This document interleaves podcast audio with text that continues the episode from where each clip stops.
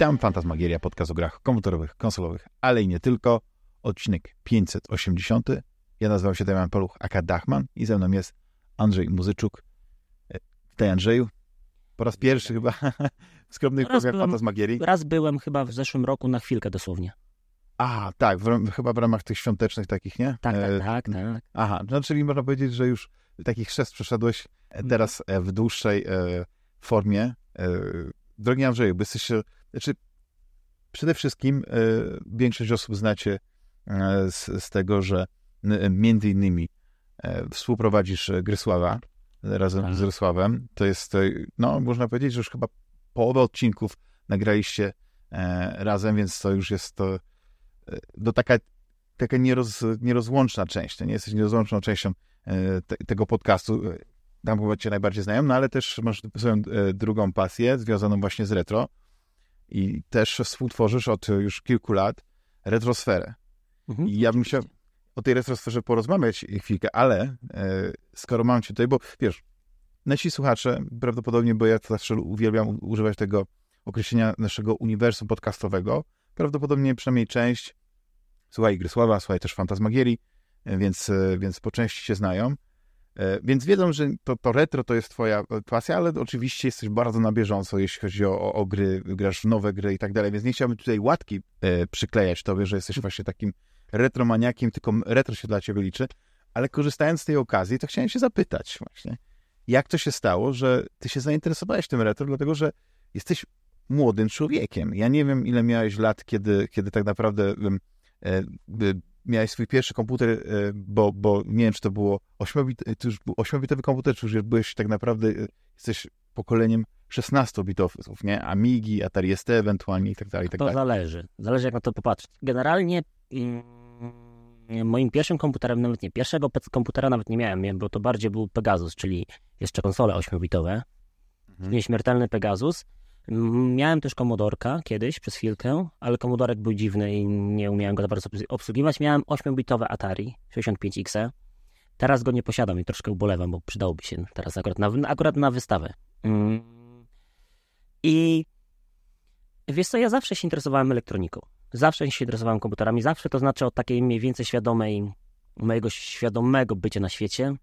Czyli powiedzmy, że te 8-10 lat mniej więcej jak już miałem, jak już na komunię dostałem pierwsze, pierwszą konsolę, czy może to było troszkę później, no to już od tamtego czasu się interesowałem komputerami. Zbierałem taką gazetkę mm, Easy PC, nie wiem czy kojarzysz, tak, było takie coś kiedyś. Można było to w kioskach kupić, to się zbierało do takiego wielkiego segregatora Mhm. i było zarówno o grach były mm, materiały, jak i o komputerach właśnie. Wtedy jeszcze za czasów to było tworzone Pentium 1, czyli no to już takie bardzo, bardzo za stare czasy. No i tak jakoś tak poszło wszystko już później. Mhm. Bo, to, bo to retro, em, jak to się mówi, no trzeba, trzeba mieć sentyment do tego retro, prawda? A jak, e, jak, jak patrzę na ciebie, to masz niesamowitą wiedzę, niesamowitą pasję. Prawdopodobnie sprzętów też, też masz mnóstwo, ale, ale to musiał być taki moment, no nie? Że zacząłeś po prostu, e, tak sobie pomyślałeś, że okej, gram w te nowe gry i tak dalej, ale mówię, kurczę, to, to jest to jest coś ciekawego i, i jak to się mówi, od, od ziarenka małego, wiesz, zaczynałeś właśnie tą swoją kolekcję budować i tak dalej. To jest, Jasne. to jest niesamowite. Jasne, tak. Znaczy, generalnie tak, taką współczesną e, kolekcję, którą posiadam, gier i konsol, bo to, to nie tylko oczywiście były, nie tylko to były właśnie konsole, bo też oczywiście gry, mm, no to wydaje mi się, że to, to się tak zaczęło mniej więcej w chwili, kiedy się wyprowadziłem od rodziców. Zamieszkałem z moją ówczesną dziewczyną, później narzeczoną i obecnie żoną e, Katarzyną i wtedy, wtedy kupiliśmy, już mieliśmy PlayStation em, 3 kupione za pierwszą kasę zarobioną. To jeszcze był oczywiście wtedy był sprzęt, który był aktualnym sprzętem, ale Tak, najbardziej na topie, prawda? tak, tak, ale wiesz, mieliśmy jeszcze PlayStation 2, bo gdzieś się parę miesięcy wcześniej kupiliśmy, aby nadrobić e, gry z PlayStation 2. Mm, kupiliśmy nówkę Wii, tak, całkowicie nowe Wii jeszcze w Empiku i później chyba zaczęły się gry na GameCube'a, gdzieś wygrzebałem u rodziców w piwnicy starego Pegasusa, reklamówkę gier na tego Pegasusa i jakoś tak pomału, pomału poszło, a to były jeszcze takie radosne czasy, że mm, takie komputery jak Amiga 1200 kosztowały 100 parę złotych, 150 złotych kosztowało Amiga mm, 1200 z całym zestawem sprzętu, I ja nawet taką jedną Amigę kiedyś dostałem. To jest w ogóle ciekawa historia. Jeżeli pozwolisz, to mogę ją powiedzieć. Oczywiście. Po, mogę rzucić temat? Oczywiście, że tak, tak. No to wyobraź sobie, Damianie, i wyobraźcie sobie, drodzy słuchacze, dostałem od mojego przyjaciela Maćka. A, w ogóle, bo jeszcze nie wspomniałem, że większość osób, która się wokół mnie otacza, to też są gracze. I którzy mm, nie tylko grają w nowe gry, choć teraz troszkę mniej, ale również byli fanami zbierania różnego sprzętu. I nie tylko miałem przyzwolenie od yy, drugiej połówki, ale jeszcze miałem przyzwolenie znajomych. To też bardzo ważne, więc argumenty tutaj były też dosyć ważne przed, mhm. przed jakimś zakupem sprzętu albo przytaszczeniem jakiegoś dziwnego czegoś za gdzieś tam od kogoś dostałem, czy tam yy, kupiłem ten sprzęt. No właśnie, i wracając do Amigi. No mój przyjaciel Maciek yy, kupił Amigę 1200. Mm, no i okazało się, że ta Amiga 1200 zajmowała dużo miejsca. Ona nie jest super wielka, ale problem był taki, żeby do tego jeszcze miał zasilacz, masę dyskietek i to wszystko trzymał w takim dużym mm, drewniano-papierowym pudle na owoce. Kojarzysz takie pudło wysokości gdzieś 15-20 cm, gdzie tam się jabłka układało albo inne, Takie banany może. Tak, tak. No taka skrzynka właśnie, taka skrzynka. Karton, skrzynka, może takie trochę drewniane, trochę tam też i kartonu było tym wszystkim. No i mm, nie wiedział, co z tym zrobić, no to do mi. A że ja akurat do Amigi, bo ja się nie wychowałem na Amidze, więc nie miałem takiego super hipersentymentu. Chwilkę pograłem, ale też nie miałem za bardzo gdzie tego trzymać, a to był już chyba moment, kiedy mieszkaliśmy u teściów. Tak, u teściów, obecnych oczywiście. No to wyniosłem ją na strych. Zafoliowałem stretchem, zabezpieczyłem. Odpowiednio ta jeszcze Amiga miała w środku dysk twardy i obawiam się, że prawdopodobnie jakąś turbinę. Na pewno rozbudowę pamięci miała. No i poszła na strych i tak po roku czy po dwóch sobie nie przypomniałem, że jej na strychu nie było, więc któryś z sąsiadów albo ktoś, kto tam wszedł sobie na ten strych, stoi sobie przywłaszczył. I perspektywy... Najgorzej taki wspólny strych, tak. Tak, z perspektywy teraz, obecnie, no to to jest, mm, to jest straszne, no bo to wiesz, ten komputer jest teraz, te Amigi poszły mocno do góry, więc mm, odkupienie takiego zestawu to jest teraz wydatek rzędu 2000 zł. No, trochę by bolało po kieszeni. No to jeszcze to zależy, jaka tam karta graficzna, ten akcelerator, o którym... Znaczy nie, karta graficzna, znajdziesz, więc on też drugie no, tyle pewnie znajdziesz. Drugie tak, co najmniej. No właśnie. No właśnie i troszkę szkoda. Jeszcze tej historii mam akurat z retro sprzętem bardzo dużo, bo ym, jak kupiliśmy Wii, to mieliśmy, wtedy to jeszcze był taki sprzęt, no wiadomo, dla nikogo w sumie w Polsce, no bo użytkowników Wii było niedużo. Ym, gry były do kupienia, i Wii zresztą było bardzo proste do soft modowania. Tam dzieci nieproste to było, tak jak PSP swoją drogą. I, ale i tak głównie graliśmy w Wii Sports, bo to imprezowa gra. Oj, ile my przegraliśmy na tym Wii. Imprez właśnie takich ze znajomymi. No super, super sprzęt był. No i jakoś tak pomalutku, pomalutku zacząłem to, to kupiłem sobie w międzyczasie Nintendo 64 e, z kilkoma grami, później jakąś inną konsolę. Jak się wyprowadzałem z jednego mieszkania, to wszystkie kartony z piwnicy wyrzuciłem. Powiedziałem, a po co mi te kartony, tylko zajmują miejsce i właśnie takie boksy od Nintendo 64 poszły do śmieci, boks od y, jakiegoś retrokomputera, chyba od Commodore 64 też poszedł do śmieci. No dużo, dużo tego wyrzuciłem. Teraz niestety pomyślałem, że to jest błąd. A wtedy, wtedy kompletnie mi to nie przeszkadzało. I wiesz co, bo, ten... bo, bo, bo, retro jako, jako taki ruch, nie? Bo, bo to jest ciekawe, że y, ta, ta, my mówimy o retro, ale oczywiście chodzi o to, że to są te, e, te, te maszyny typu vintage, nie? Bo retro, tak. to też słyszałeś taką definicję, że coś po prostu jest stylizowane na, na, na, na, na, na, na stary sprzęt no i, i, wtedy to jest retro. No nie, ale ja, ja, lubię tą definicję, która obejmuje po prostu też właśnie te maszyny vintage. No nikt, tak, tak, oczywiście. Nikt za naszych czasów młodych nie miał absolutnie żadnego sentymentu. Nie wiem, czy to jest kwestia młodego wieku, że, że się nie myśli o tym, ale jak ja miałem Amigę e, 500, to ja ją bardzo szybko sprzedałem, żeby kupić, nie, chyba Amiga CD32, bo wtedy jeszcze myślałem, że no to jest jakiś niesamowity skok, nie? No bo tam w środku prawie praktycznie 1200 e, tak, plus e, CD-ROM, niesamowite możliwości. E, no trochę się przejechałem, ale ja, ja wtedy nie miałem takiej perspektywy, że jest powiedzmy PlayStation e, konsola, która jest po prostu absolutnie mocarna, nie? Jeszcze gdzieś tam wtedy się przebijały te Atari Jaguary, a tak naprawdę e, wszyscy tacy poważni gracze, to już przerzucali się na komputery, wiesz, na pecety. Nie? Na pecety i ewentualnie konsole niektórzy. Dokładnie, no i każdy z nas czytał wszystkie te czasopisma, które były, więc widział, jak te gry wyglądają i moim zdaniem, bo ja, wiesz, nie, nie, nie byłem właśnie wtedy jakoś tak specjalnie zafascynowany grafiką 3D, tą, tą pierwszą, wczesną, tak, nie robiła dla mnie wrażenia, więc dla mnie najładniejsze gry były, to były te przygodówki rysowane, to te gry na, na CD-ROMach, które później wychodziły na PC. No tam, tam była ta moc, tam były tam były najciekawsze e, historie, najciekawsze tytuły, najbardziej złożone, więc ja naprawdę jak tylko mogłem, to sprzedawałem mój stary sprzęt i kupowałem kolejny lepszy, nie? To tam zawsze to jakaś kwestia, nie? Że, tam, że y, y, ktoś z rodziny się dokładał, jakaś tam komunia, jakieś tam, nie wiem, pieniądze z bierzmowania, coś w tym stylu, nie? I, A nie, no wiadomo, jasne. i, i po prostu trzeba było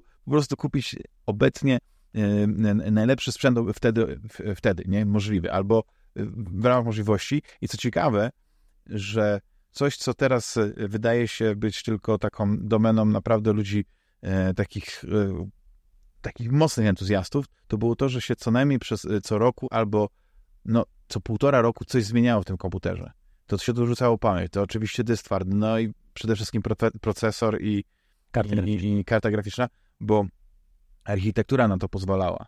Teraz e, praktycznie jak zmieniasz e, cokolwiek, to od razu wszystko musisz zmienić, nie? Bo, bo, bo no oczywiście możesz dołożyć pamięć i tak dalej, no ale już teraz są szybsze pamięci, które wymagają na przykład e, te, takiego slotu i procesory to jest kolejna generacja, więc inny slot i tak dalej, i tak dalej, bo, i, bo w tym momencie możesz mieć e, na przykład, nie wiem, procesor Intela, nie wiem, 5, 6, 7-letni, który nadal będzie, wiesz, te, te gry ci obsługiwał, nie? Samo z kartami graficznymi. Możesz mieć kartę sprzed, nie wiem, dwóch, trzech generacji i nadal wszystko może ci, ci, ci śmigać. To jest, e, to jest zupełnie coś takiego, wiesz, interesującego, że, że PC-ty stały się jak, trochę jak, jak generacje konsol, nie? Że ta generacja konsoli trwa, nie wiem, 5-6 lat i nie musisz zmieniać sprzętu i tak samo z, z PC-tami. A wtedy y, to było tak, że właśnie, nie wiem, no, miałem Atari y, 8-bitowe, no to sprzedałem, żeby kupić właśnie Amigę, później Amigę, żeby to. I na końcu właśnie, jak już zostałem przy Blaszaku, to przez wiele, wiele lat e, byłem, byłem graczem PC-towym, ściśle, i ten moment, w którym e, pierwszy raz zobaczyłem Xboxa, oryginalnego Xboxa i te dodatkowe możliwości, które były związane właśnie z zainstalowaniem przed Xbox Media Center, nie? I, A, tak dalej. tak. Wiesz, one robiły niesamowite wrażenie, więc jak się później okazało, że ten, ten myk, że 360 to jest e, mm, to jest e, mm, jakby spełnienie pewnych, e, pewnych znaczy nie, nie spełnienie wizji, ale ro- rozwinięcie wizji designerskiej oczywiście, jeśli chodzi o moc i tak dalej, ale plus dodanie tych możliwości, które podpatrzono, co zrobili ludzie, no nie, z poprzednim sprzętem, który miał tą architekturę taką bardzo pecetową, stąd łatwo tam e, wydawało się, że instalowało się e, tam Oj tak, oj tak. i dlatego pierwszy mój kontakt był dosyć późny, bo to były, e, to była końcówka e, pierwszej dekady lat 2000, kiedy jakby wszedłem na łano konsol. I później był taki moment, że retro stało się, znaczy, że nostalgia weszła, wiesz, że po prostu, wiesz, już jest, byłem w tym wieku, że zacząłem tęsknić za tymi starymi czasami. Być może to były też okolice tych pierwszych pikseli, bo, bo y, chyba Pixel teraz, Pixel Heaven jakoś 11-lecie czy 10-lecie niedawno odchodzi, czy jakoś tak, e, coś w tym stylu, więc Mm. i zacząłem po prostu wtedy o tym myśleć, nie? I, i, i, i, chyba można powiedzieć, że, że tak z dekadę temu, może trochę, e, no nie wiem, jakbym to określił, to był taki, taki szczyt, prawda? Nie wiem, jak ty to odczuwasz, popularności retro. Bo, bo, bo wydaje mi się, że teraz troszeczkę ta, ten entuzjazm retro trochę spada, ale on nadal się tli, no nie? I, i na Oj, przykład dzięki... Ja mam trochę inne zdanie, ale to Tak? ci powiem. No dobrze, no nie, bo jak, jak ty to widzisz? Bo ja uważam, że na swoim Będzie mogę przykładzie... powiedzieć od bańki retro, takiej. Jak to wygląda? No, no, no, jak to, jak to jest? Słuchaj, jak, jak ja... Twoja bańka nadal rośnie, jeszcze nie pękła. Nie, nie, moja bańka rośnie i się cały czas rozszerza, jest coraz większa i raczej nie pęknie. Mm, już ci mówię dlaczego. Yy, po pierwsze retro, jeżeli mówimy o retro gaming i o to wszystko, co jest, bo generalnie skupiamy się na tym, nie skupiamy się na starych, na przykład, nie wiem, ciuchach czy czymkolwiek innym. Tak, Wiadomo, tak, mówimy o grach. Bo, bo jeśli chodzi o modę, to mo- moda jest, moda jest cykliczna i tam No, oczywiście. Jest, jest. Oczywiście, że tak. Choć powiem ci, że to wygląda też tak, że e, niektóre elementy naszego i popkultury związane właśnie głównie z grami tak przynikły do codzienności, że od czasu do czasu, na przykład parę lat temu pojawiły się jakieś ciuchy z Pac-Manem, później one znikły, później się pojawiły ponownie i to tak pływa sobie. Raz jest, raz tego nie ma.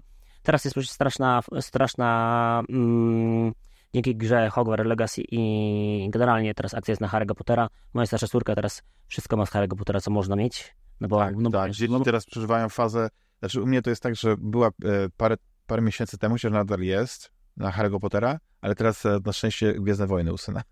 A, proszę, no to, to, to, to widzisz. A u mnie, wiesz, u mnie jest tak, że w lokalnym jednym ze sklepów pojawiła się cała seria na początku sierpnia właśnie mm, różnych e, kubków, nie kubków Harry'ego Pottera, no to już to wszystko jest skupione, już w domu są po jednym co najmniej zestawie. Mhm. E, ale to też jest akurat fajne, bo akurat Harry Potter popchał moją córkę, która akurat teraz poszła do piątej klasy, do czytania książek, więc siedzi i czyta książki. Już tam do, do teraz dochodzi chyba do, kończy chyba trzecią książkę, więc wiesz, to też jest, tutaj są też duże plusy tego, nie tylko wiesz, ten marketingowy, szał zakupów, że wszystko trzeba mieć z, te, z, tego, co jest dostępne na sklepach, ale też wraca do początków, czyli po prostu do książek. To też mnie bardzo cieszy, bo jednak czytelnictwo w Polsce jest teraz na coraz gorszym poziomie i są problemy z tym. No to Ludzie bardziej no, tak słuchają książki niż, niż po no, prostu no, czytają. Sam jestem tego przykładem. Też słucham audiobooki i rzadko kiedy czytam książki, bo najnormalniej w życiu nie mam czasu, bo jest tyle innych rzeczy. Aha. Tak. U nas... Kreska u rodzaju hobby. Ja mam ja po prostu mam tak. za dużo hobby, wiesz, ja po prostu nie znajduję czasu, bo ja nie chcę się na przykład, nie, nie, nie chcę na przykład zrezygnować z jednego hobby na rzecz drugiego, ale ja też tak. wiem, że, że, że jest ciężko po prostu manewrować, nie? No jest, a plus jeszcze do tego wszystkiego poza hobby jeszcze życie codzienne, praca i to wszystko, wszystkie no, praski, tak. które jak to wszystko złożymy do kupy, to się okazuje, że na spanie jest nie za dużo czasu, a trzeba też spać, bo później też jak za długo nie śpimy, y, jak za długo korzystamy z hobby, a za mało korzystamy ze snu, no to to się też odbija nie za dobrze, nie? Ale dobrze, nie będziemy tutaj narzekać na, na temat y, tak. braku czasu. Ja wrócę do bańki retro. Z mojego punktu widzenia bańka retro ciągle rośnie. Dlaczego? Coraz więcej tego się pojawia dookoła. Nie tylko już mamy takie na przykład, tak jak moja retrosfera, którą prowadzę razem z, z ekipą naszą, czy nawet w Gresławach dosyć dużo właśnie mówimy też o retro gamingu, bo jest po prostu ciekawy. To poza tym zaczęło się też specjalizować. Jest dużo, jak każde hobby, podzieliło się na, nie tylko na graczy niedzielnych, czy na osoby, które tylko kojarzą taki temat i chwilę pograją i sobie odłożą to na bok. Takie osoby będą w każdym Tak, i dla nich każdej są wszystkie te mini konsolki. E, no na przykład, oczywiście. tak. Jak najbardziej. E, te Anberniki, czy nawet można powiedzieć o tych konsolkach takich najniższej półki, czyli takie... Właśnie ja mam trochę nieposegregowany ten mój, mój, e, mój plan naszej rozmowy. Proszę. Są rzeczy, o które ja chcę się zapytać, bo ja wiem, że, że jesteś w niektórych e, absolutnym ekspertem. Tak? I dlatego ja do pewnych rzeczy, na przykład do tych, do tych takich um, przenośnych konsolek, o których czasami wspominasz właśnie w no będę chciał cię zapytać, jak to wygląda, ale um, bo ja tak chcę płynnie wejść właśnie o to, co już wczoraj wspomniałeś, o, o właśnie tą retrosferę, bo jak, hmm? jak się widzi na przykład popularność e, tej, tej imprezy, o której właśnie teraz powiemy, co to jest i, i kiedy i um, kiedy się zaczęło, no to, to, to, tak, no to rośnie, nie? Ale chodzi mi o to, że um, słuchałem właśnie też e, niedawno, ale to też nie, e, jest małe embargo, więc nie, nie wiem, czy, to, czy, czy ten podcast to wyjdzie przed tym podcastem, czy, czy nie. Rozmowy właśnie e, starego gracza z Marcinem Kiendrą, więc tutaj tak trochę zdradzę od kuchni. I, i, i właśnie też widział, że, że też obserwuje pewien taki e, spadek zainteresowania, popularności, ale jest taka korowa grupa, że się tak wyrażę, takich entuzjastów, którzy zawsze e, są na miejscu, zawsze są e, gotowi, znaczy zawsze o tym, tym retro się będą pasjonować, no nie? Co, co by się nie zmieniło. Wiesz, to nie jest jakby chwilowa moda, wiesz, nie chodzi o to, że, bo chwilowa moda to jest właśnie tak, że o, pojawiła się ta mini Amiga, o jak fajnie, kupuję sobie mini Amigę, może zagrał dwie, trzy gry, a później to stoi, nie?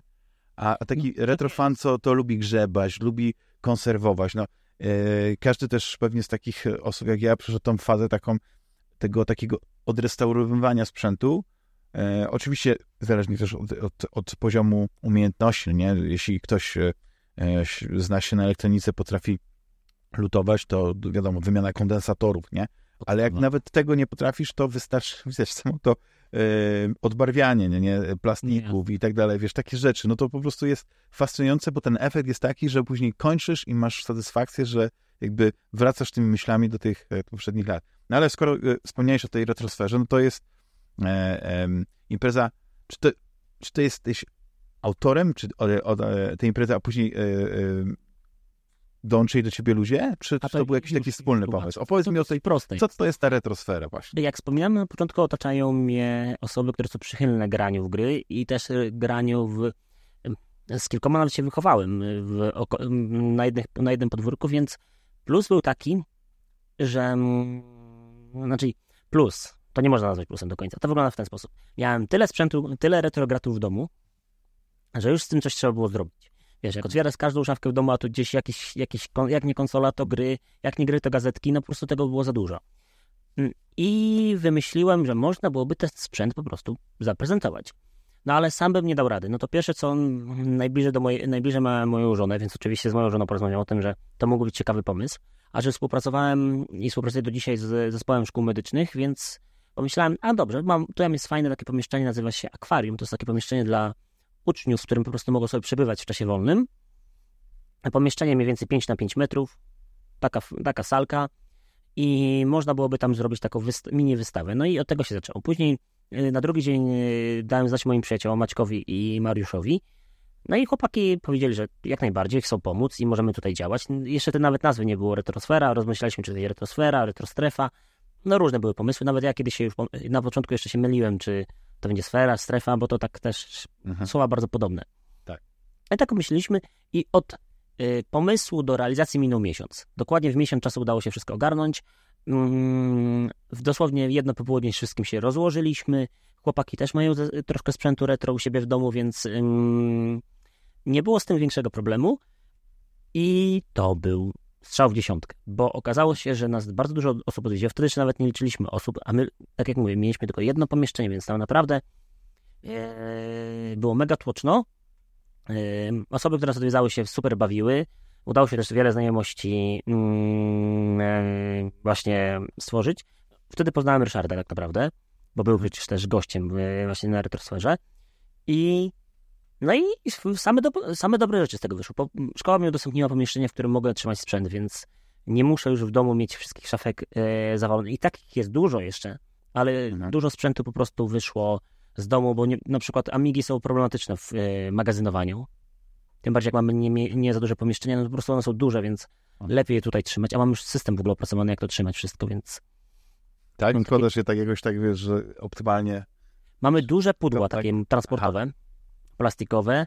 I tam mamy mm, zestawy właśnie takie, jest na przykład Amiga, o, o tym jeszcze powiem, bo Retrosfera generalnie zajęła, zaczęła się od pierwszego festiwalu, który zrobiliśmy, festiwalu, też wtedy za dużo powiedziane było, właśnie w naszym mieście. To była chyba sobota i niedziela, tak, to był pierwszy festiwal, to była sobota i niedziela już ponad 5 lat temu. I yy, mieliśmy później kilka zapytań, czy zrobilibyśmy takie coś na przykład w szkole, w przedszkolu, czy może gdzieś wyjeżdżamy, przyjeżdżamy, no i okazało się, że są osoby chętne, żeby nas zaprosić. No to jak są chętne, no to trzeba było jakoś to wymyśleć. A przewożenie telewizorów e, takich 15-calowych, mm, mimo że nie są tak super duże, bywa problematyczne. No, trochę ważą, a poza tym te kinoskopy chyba są coś kruche. A wbrew pozorom nie. Powiem Ci, że kineskopy są tak? dużo, mocno wytrzymałe. My wymyśliliśmy sobie taki patent, mamy kartony od drukarek HP, takich dużych drukarek y, A4 HP-ków. Model teraz nie pamiętam, to jest zupełnie nieważne. Mhm. I tam się zmieszczą idealnie dwa telewizory. I do dzisiaj mam te kartony, one są wytrzymałe, to jest gruby, porządny, transportowy, bo musiał tam 20-kilową drukarkę trzymać w środku, więc wytrzymuje.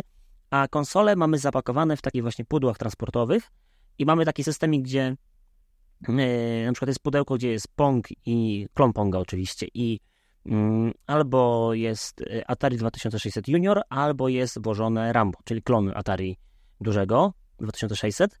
Y, Amiga 500 z komodorkiem, to w trochę większym opakowaniu i to wszystko można ładnie, ładnie zmieścić w jednym aucie. Możemy przejechać całą Polskę, jak ktoś nas zaprosi i możemy się z takim, z takim sprzętem rozłożyć. Zawsze bierzemy też troszkę więcej sprzętu niż te 10 podstawowych i tak ten system tak się udało fajnie, fajnie rozpracować. Ale wracając do pierwszego festiwalu. No i ten pierwszy festiwal yy, udał się. Byliśmy super zadowoleni z tego powodu. No i tak później pomyśleliśmy, no dobra, to trzeba będzie drugą edycję zrobić, no to już więcej pomieszczeń w szkole wynajęliśmy. Ustawiliśmy nowe strefy, później trzeci, czwarty festiwal. Czwarty to już w ogóle był. Yy, udało się nam koncert jeszcze zrobić przed szkołą, stand-up. Bartosz Gajda się zgłosił i się zrobił na stand-up. Trzeba też podkreślić, że bo tak... Yy ta, ta, impreza rośnie, ale to też trzeba sobie powiedzieć, że ona, chyba, że czegoś nie wiem. Tak? To nie jest biletowana impreza, tak? Nie, nie, nie. To jest, my wszystko ogarniamy w ten sposób, aby każda atrakcja była darmowa. Każda atrakcja była darmowa. E, jedynym tematem, który jest płatny, to oczywiście merch, który można sobie kupić różne jakieś tam koszulki, nie koszulki, bo też wystawcy do nas przyjeżdżają już, więc to też jest mhm. e, sprawa fajna, bo... Ja mam, ja mam koszulkę, dziękuję, doszła do mnie, właśnie do sfery, kubeczek też. Bardzo i, i, z, i z, niego, z niego właśnie piję. Bardzo mnie cieszę. No i wracając do finansowania, mm, my działamy na takiej zasadzie, że współpracujemy mocno z sponsorami. Od kilku lat korzystamy też ze zrzutki, więc mm, jeżeli tutaj jest taka możliwość, to od razu zareklamuję. Mamy, mieliśmy, teraz już chyba została już zawieszona przed festiwalem, a może jeszcze, jeszcze działa. Generalnie działa na takiej zasadzie, że jest rzutka. W tym roku nawet jeszcze było fajnie to rozwiązane, bo mieliśmy takie pakiety sponsorskie, więc każda osoba, która e, od jakiegoś tam progu wsparła, mogła sobie wybrać później gadżet. Czy to koszulkę, czy taki tajemniczy pakiet sponsorski, o którym za dużo nie mogę powiedzieć, powiem tylko tyle, że jest fajny. Pakowałem go w niedzielę. Mhm. Mhm. To może już. Jest niespodzianka, tak? Tak, tak, tak. I mm, no i generalnie udaje nam się ten, te, te finanse spiąć na tyle, że nie musimy e, biletować imprezy. Jedynie co to mm, rzeczą płatną poza właśnie gadżetami jest wpisowe na turnieje.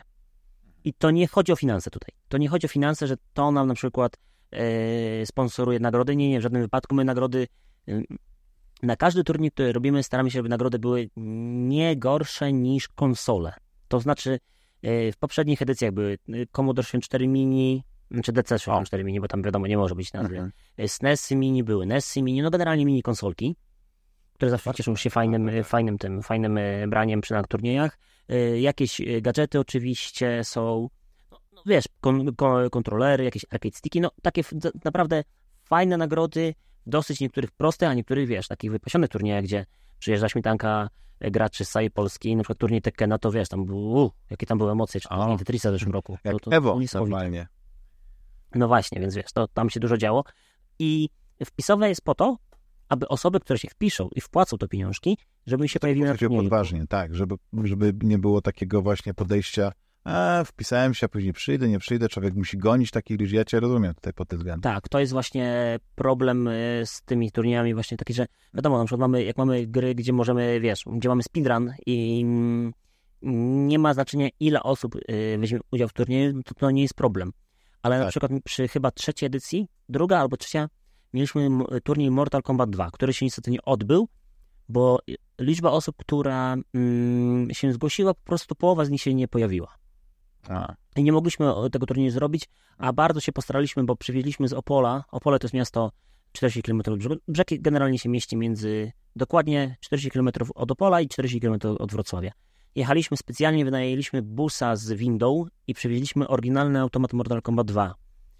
Ciężki, wielgachny automat, no i niestety on był oczywiście do ogrania, ale turniej się na nim nie odbył, co no, troszkę szkoda tego tytułu, bo, nie, bo to naprawdę fajny automat i no szkoda, szkoda, szkoda.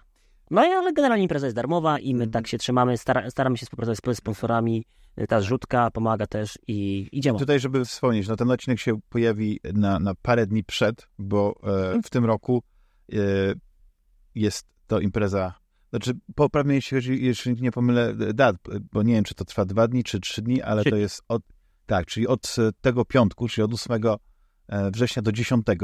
Tak jest. I e, jak, jak wygląda plan na, na, na tę edycję? Okej, okay, no to tak, startujemy w piątek. W piątek startujemy od godziny 16 do godziny 24 godzinki. Piątek u nas zawsze jest takim e, dniem, mm, powiedzmy, że wielkiego testu, zarówno obciążenia energetycznego, E, bo startujemy, celujemy w około 100 różnych stanowisk. Oczywiście nie, nie każdy będzie indywidualnym stanowiskiem, bo nie da się mm, zrobić każdego innego, ale zawsze się z czymś różni. Ale to jest też duże obciążenie energetyczne i obciążenie związane właśnie z tym, jak się zachowa sprzęt. I ten piątek to jest u nas takim dniem wielkich testów obciążenia. Sobota jest dniem y, takim, gdzie się dzieje najwięcej. Mamy wtedy oczywiście turnieje. Y, w sobotę się odbędzie, teraz ja z głowy będę sobie przypominał, jak pamiętam, mi będzie tak, będzie speedrun, ym, speedrun w Mario na Famicomie, ale speedrun cudowny, bo jest bardzo nieprzystępny. To znaczy, może tak, on jest nieprzystępny dla graczy, którzy grają w gry, a przystępny dla osób, które nie są obeznane z graniem, bo będzie on grany na rękawicy Power Glow. Tej takiej, którą używali hackermeni.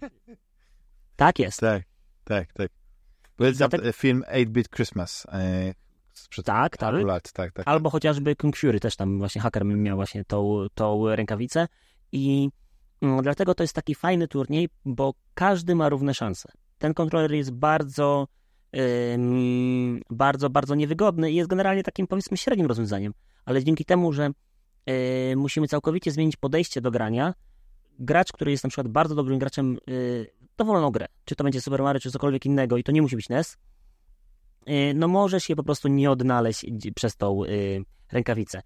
I to też zadziała w ten sposób, że osoby, które kompletnie nie, nie umieją grać, będą miały, wiesz, te szczęście pierwszego, pierwszego zagrania i yy, te szczęście związane właśnie z tym, że może akurat im się uda, więc każdy ma bardzo równe szanse w tym turnieju.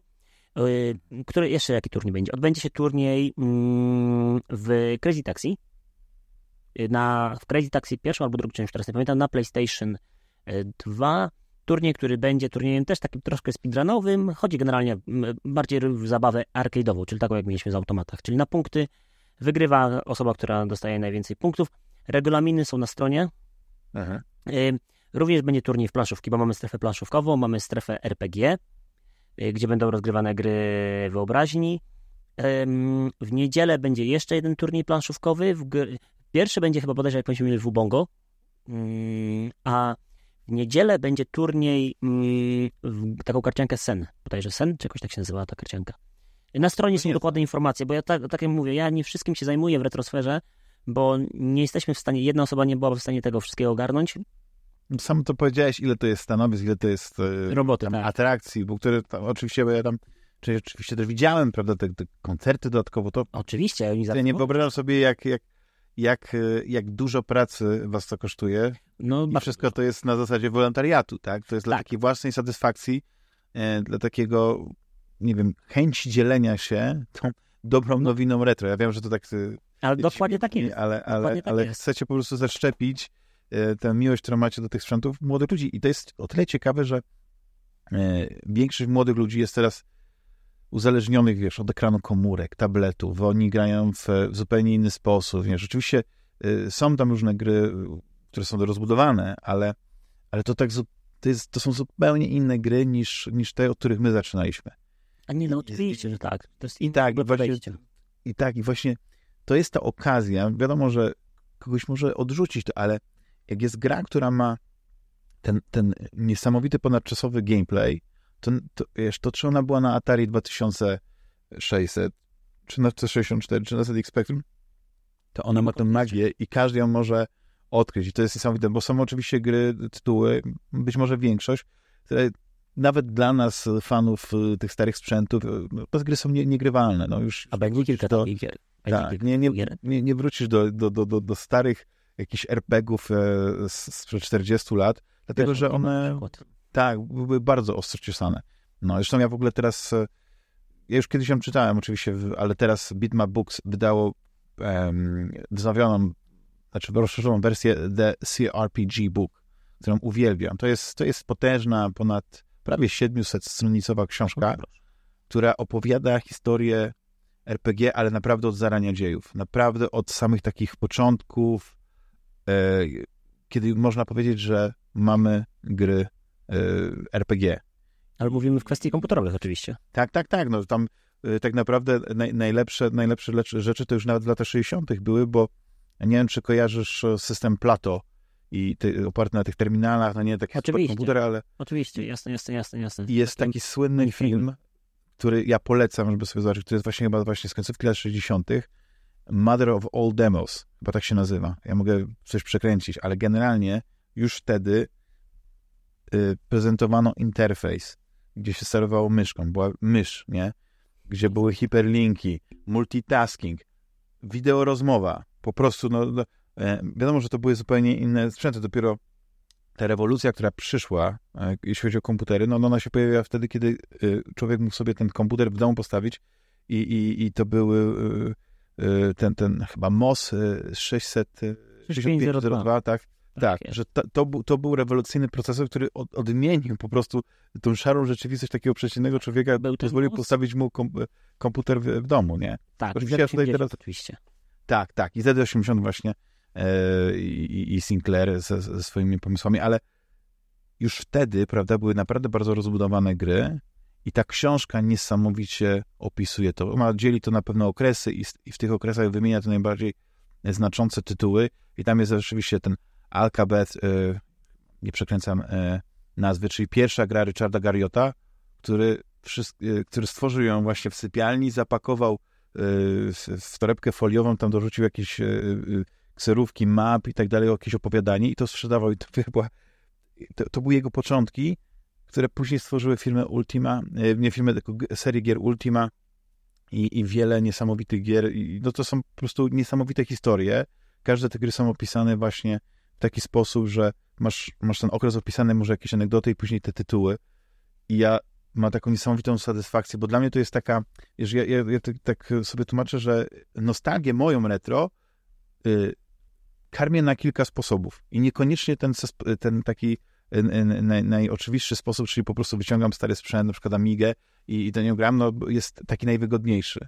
I takim najprostszym, najszybszym, jak po prostu mam ochotę zobaczyć jakąś grę, albo nie może nawet nie, nie że przejść ją, to oczywiście odpalam sobie na YouTubie jakieś przejście z tej gry i tak dalej. Te starsze gry to można było przejść powiedzmy w pół godziny, więc nie jest jakiś taki ten, ale po prostu tak, tak wracam do nich. Później oczywiście emulacja, która e, każdy normalny e, człowiek na PC ma przynajmniej emulator Amigi i tam jakichś innych e, sprzętów takich. I trzecią właśnie taką moją e, ulubioną formą zagłębiania się w retro, to, są, to jest właśnie czytanie, wiesz, przeglądanie czasopis starych, czyli jak jestem gdzieś na starych, wiesz, na, na starych śmieciach, to to wyciągam, sekret serwisy, przeglądam je, kartkuję, te, oglądam te zdjęcia, czytam opisy i właśnie te książki i te Bitmap Books, on, on, oni wiedzą po prostu jak sprzedać e, nostalgię. Jak zarobić na tej nostalgii, tak, tak. Oni wydają niesamowicie dużo pozycji, wiesz, e, związanych nie tylko, bo to akad jest książka, która, którą nie oni napisali, nie, że tak oni ją wydali, ale to jest projekt e, taki społecznościowy. Tam jest e, setka autorów, którzy jakby współtworzyli całą tą, um, całą tą książkę, cały ten album, pod redakcją właśnie tam, już nie pamiętam, Filipe chyba ma na imię chłopak, ale już nie pamiętam nazwiska, no bo teraz nie, nie przypomnę sobie z głowy, ja po prostu wchodząc w taką książkę, to ja, ja, ja, tak pragnę po prostu wejść w nowe te światy, ale wiem, że, po, że nie zagram te, w Wizardy, no nie, w, ten, którąś tam część, bo ona już jest zbyt archaiczna. Nie, nie, nie wskoczę w, w Elder Scrolls, tam Arena i tak dalej. Nawet jak wiem, że taki to jest wspaniały, rozbudowany, otwarty świat, bo wiem, że te gry mają po prostu niesamowity e, próg, e, próg wejścia. No tak, no, ale to bardzo tak... łatwo się odbić od nich. Oj, bardzo łatwo. Dokładnie, dokładnie. Ale nie tutaj jakby na, na, na sobie tutaj e, jakby tutaj tych, tych opowieści koncentrować, bo mm, mi się ta retrospera w ogóle mm, podoba pod tym względem, że trochę przejęliście, to tak, żeśmy rozmawiali o tym, ale to ja tak, tak do, dopowiem, e, znaczy mogliśmy rozmawiać, że przez ostatnie zmiany w związku z, z Pixel Heaven, to Pixel Heaven troszeczkę utracił, wiesz, nadal jest to świetny e, miejsce spotkań, tam jest dużo się ciekawych rzeczy dzieje, ale była tak, był taki element, który też moim zdaniem e, e, istniał dzięki między innymi na przykład chłopakom z retrogralni. Z którymi chyba trzymasz sztamę, mi się wydaje, tak, że, że dobrze się znacie.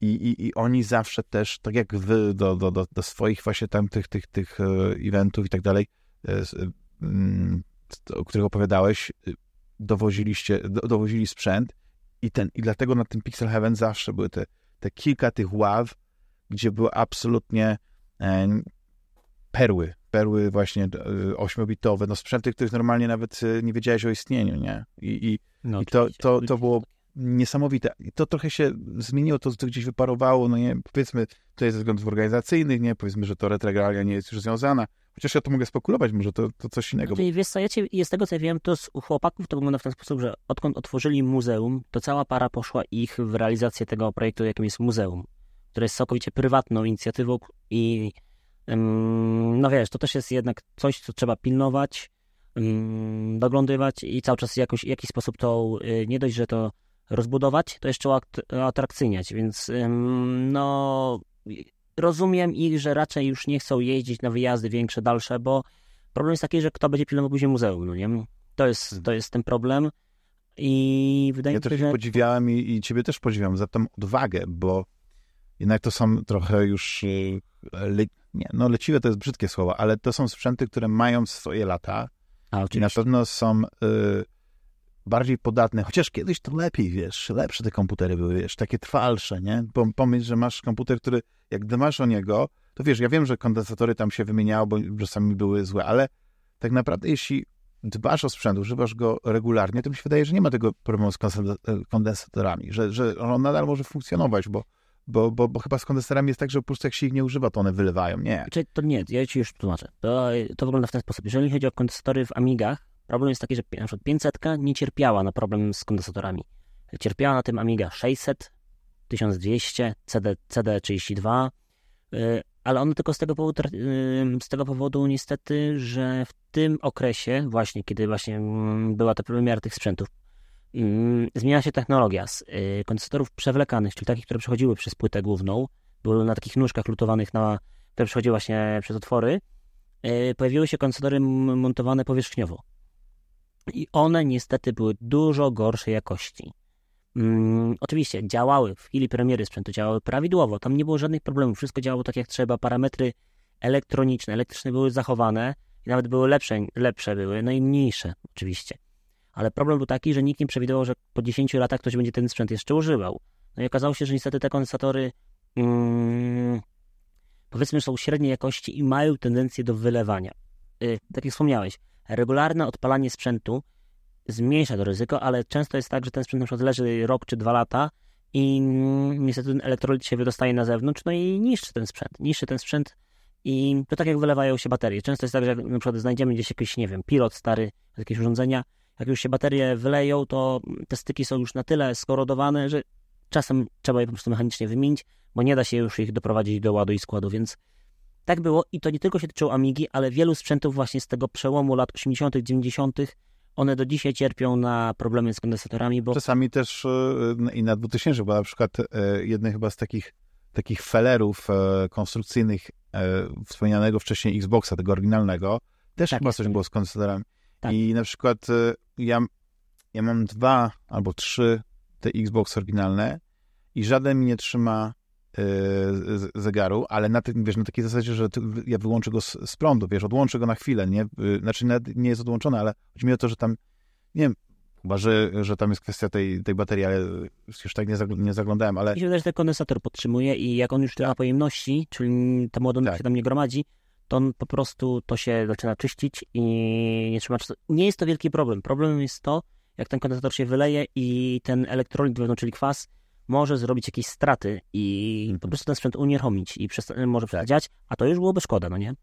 Tak, no ale muszę przyznać, że e, jest ten taki wspaniały oddział retromaniaków, którzy nie Dziękuję. tylko potrafią e, odrestaurować te sprzęty, uratować nawet takie po, po powiedzmy takich groźnych wylewach e, kondensatorów, ale też tworzą nowe sprzęty. To jest, to jest dla mnie bardzo ciekawy, cały ten ruch związany.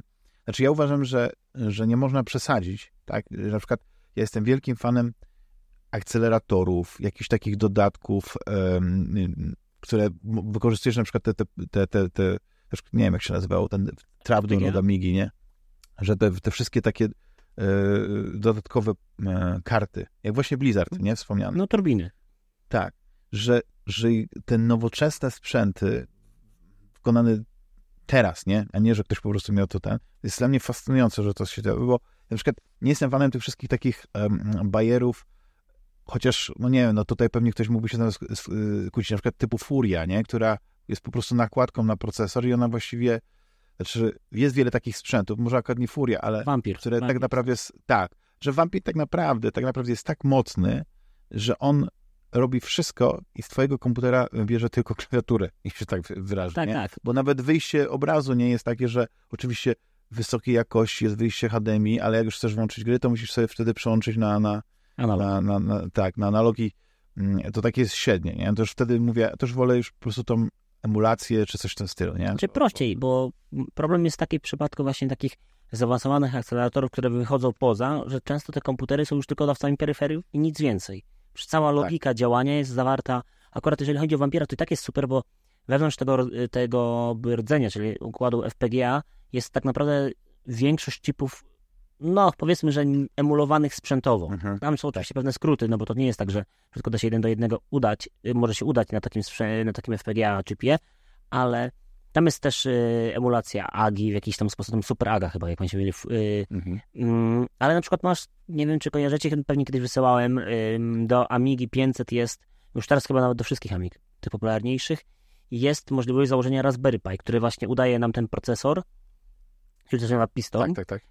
I przejmuje emulację procesora Motorola 6800, czy tam czy tam nie tylko tego, tego procesora i możemy mieć właśnie Amigę dużo mocniejszą przy, mm, powiedzmy, że przedcovidowo, y, jakbyśmy mm, w stosunkowo niedużych pieniążkach, bo Vampir kosztuje tak mniej więcej, nie wiem, 400-500 euro kosztował. Tak. A Raspberry Pi, prawie każdy fan retro miał gdzieś Raspberry Pi, albo mógł sobie bez problemu kupić, bo koszt takiego Raspberry Pi to było mm, w Polsce gdzieś 200-300 zł, a tych prostszych modeli typu 0 czy 3, 3, 3A... To 0 to w pewnym momencie to była taka rewelacja, pamiętasz, że y, można było kupić za 5 y, funtów, czy tam 5 euro. Mhm. Y, tylko, że one były praktycznie niedostępne, bo to chyba z magazynem tym Raspberry Pi chyba nie było sprzedawane. Jakoś tak Wiem, że to bardzo szybko się rozeszło. Później około 40 parę złotych kosztowała ta płytka. Tak, tak. Niedroga była i, i, stosunko, i była czymś rewolucyjnym, bo to był, wiesz, i mały komputerek, naprawdę mały komputer. Mhm. Może nie był super wydajny, ale miał peł, to był pełnoprawny no PC. PC, jeżeli mówimy tak. o komputeru personalnym, za, tak jak mówisz, czy tam było 4 funty, czy 5 funtów kosztowało razem właśnie z gazetą. To była mhm. no, totalna rewolucja i coś, co, czego wcześniej nie było na taką skalę. Tak. No, a my jako fani retro, czy mm, osoby, które chciały coś więcej zrobić, yy, przesuwał ten komputer jako na przykład emulator. Tak. Czym już było pierwszy Raspberry Pi zresztą. Mogło być, bo pojawiły się przecież te wszystkie dystrybucje typu RetroPie, Recalbox i inne właśnie wersje, czy, czy co tam jeszcze było, yy, Lakka bodajże. I można było sobie emulować właśnie Amigę czy inne sprzęty. A później zostały te taką mikrokomputerki właśnie dostosowane jako coś więcej niż tylko emulator taki, który emuluje wszystko, a może być na przykład, y, może taki Raspberry Pi udawać cartridge w Commodore 64, Amidze może być procesorem, inne Raspberry Pi może być y, skalerem wideo, to jest super. Mm, RGB tu HDMI, tak się nazywa interfejs, to jest nakładka na układ DENIS, czyli układ wideo, przetwarzania wideo w Amidze 500 i możemy mieć obraz z Amigi 500 y, w jakości dokładnie takiej jak z emulatora. Dokładnie z mhm. takiej, takiej jakości jak z emulatora. No tak, tylko to wtedy trochę tak Widzisz, właśnie o co, o co mi chodzi z tym, że, że można przesadzić, tak? Że można Jasne, że tak. zrobić tak, że, że zostaje tylko obudowa i ta klawiatura i parę innych elementów. Nie wiem, może stacja dysków, jeśli na przykład nie wymieniłeś jej na Gotekę. Chociaż pamiętam, że Gotyk to była dla mnie, e, to było jakieś objawienie, że, że coś takiego powstało i na jednym na jednej pamięci USB, pendrive'ie tysiące gier, które... Całą bibliotekę mogłeś zmieścić. Tak, tak. To, jest, to było niesamowite i wystarczało właśnie tylko, tylko przełączenie tego, tylko po prostu wy, wykręcałeś e, starą, starą e, stację dysku, wkręcałeś to e, i to było niesamowite, ale dla mnie oczywiście takim najlepszym rozwiązaniem to jest akcelerator z dodatkową pamięcią i to, co wiesz, też, też było niesamowite na nie, bo jak ja zaczynałem wchodzić w to retro, tak, pamiętam, że kupiłem sobie Amigę 600 E, gdzieś tam po prostu na eBayu e, też po prostu zapragnąłem mieć tą 600, wiesz, bo, bo, bo ona jest taka, że gdyby ona miała w ogóle e, kość AGA, to to był dla mnie najlepszy sprzęt, ulubiony. Ale to jest fascynujące, że ona ma tam tak idealną wielkość, to był, była dla mnie taka taki, taki no nie wiem, zawsze, zawsze chciałem mieć tą 600, ja już nie chcę tak bardzo wchodzić, wiesz, żeby to się nie No, ona jest właśnie taka fajna, bo jest malutka, ma, tak. je, daje nam wszystko to, co dała nam Amiga 500, czyli tak. dostęp do potężnej biblioteki gier.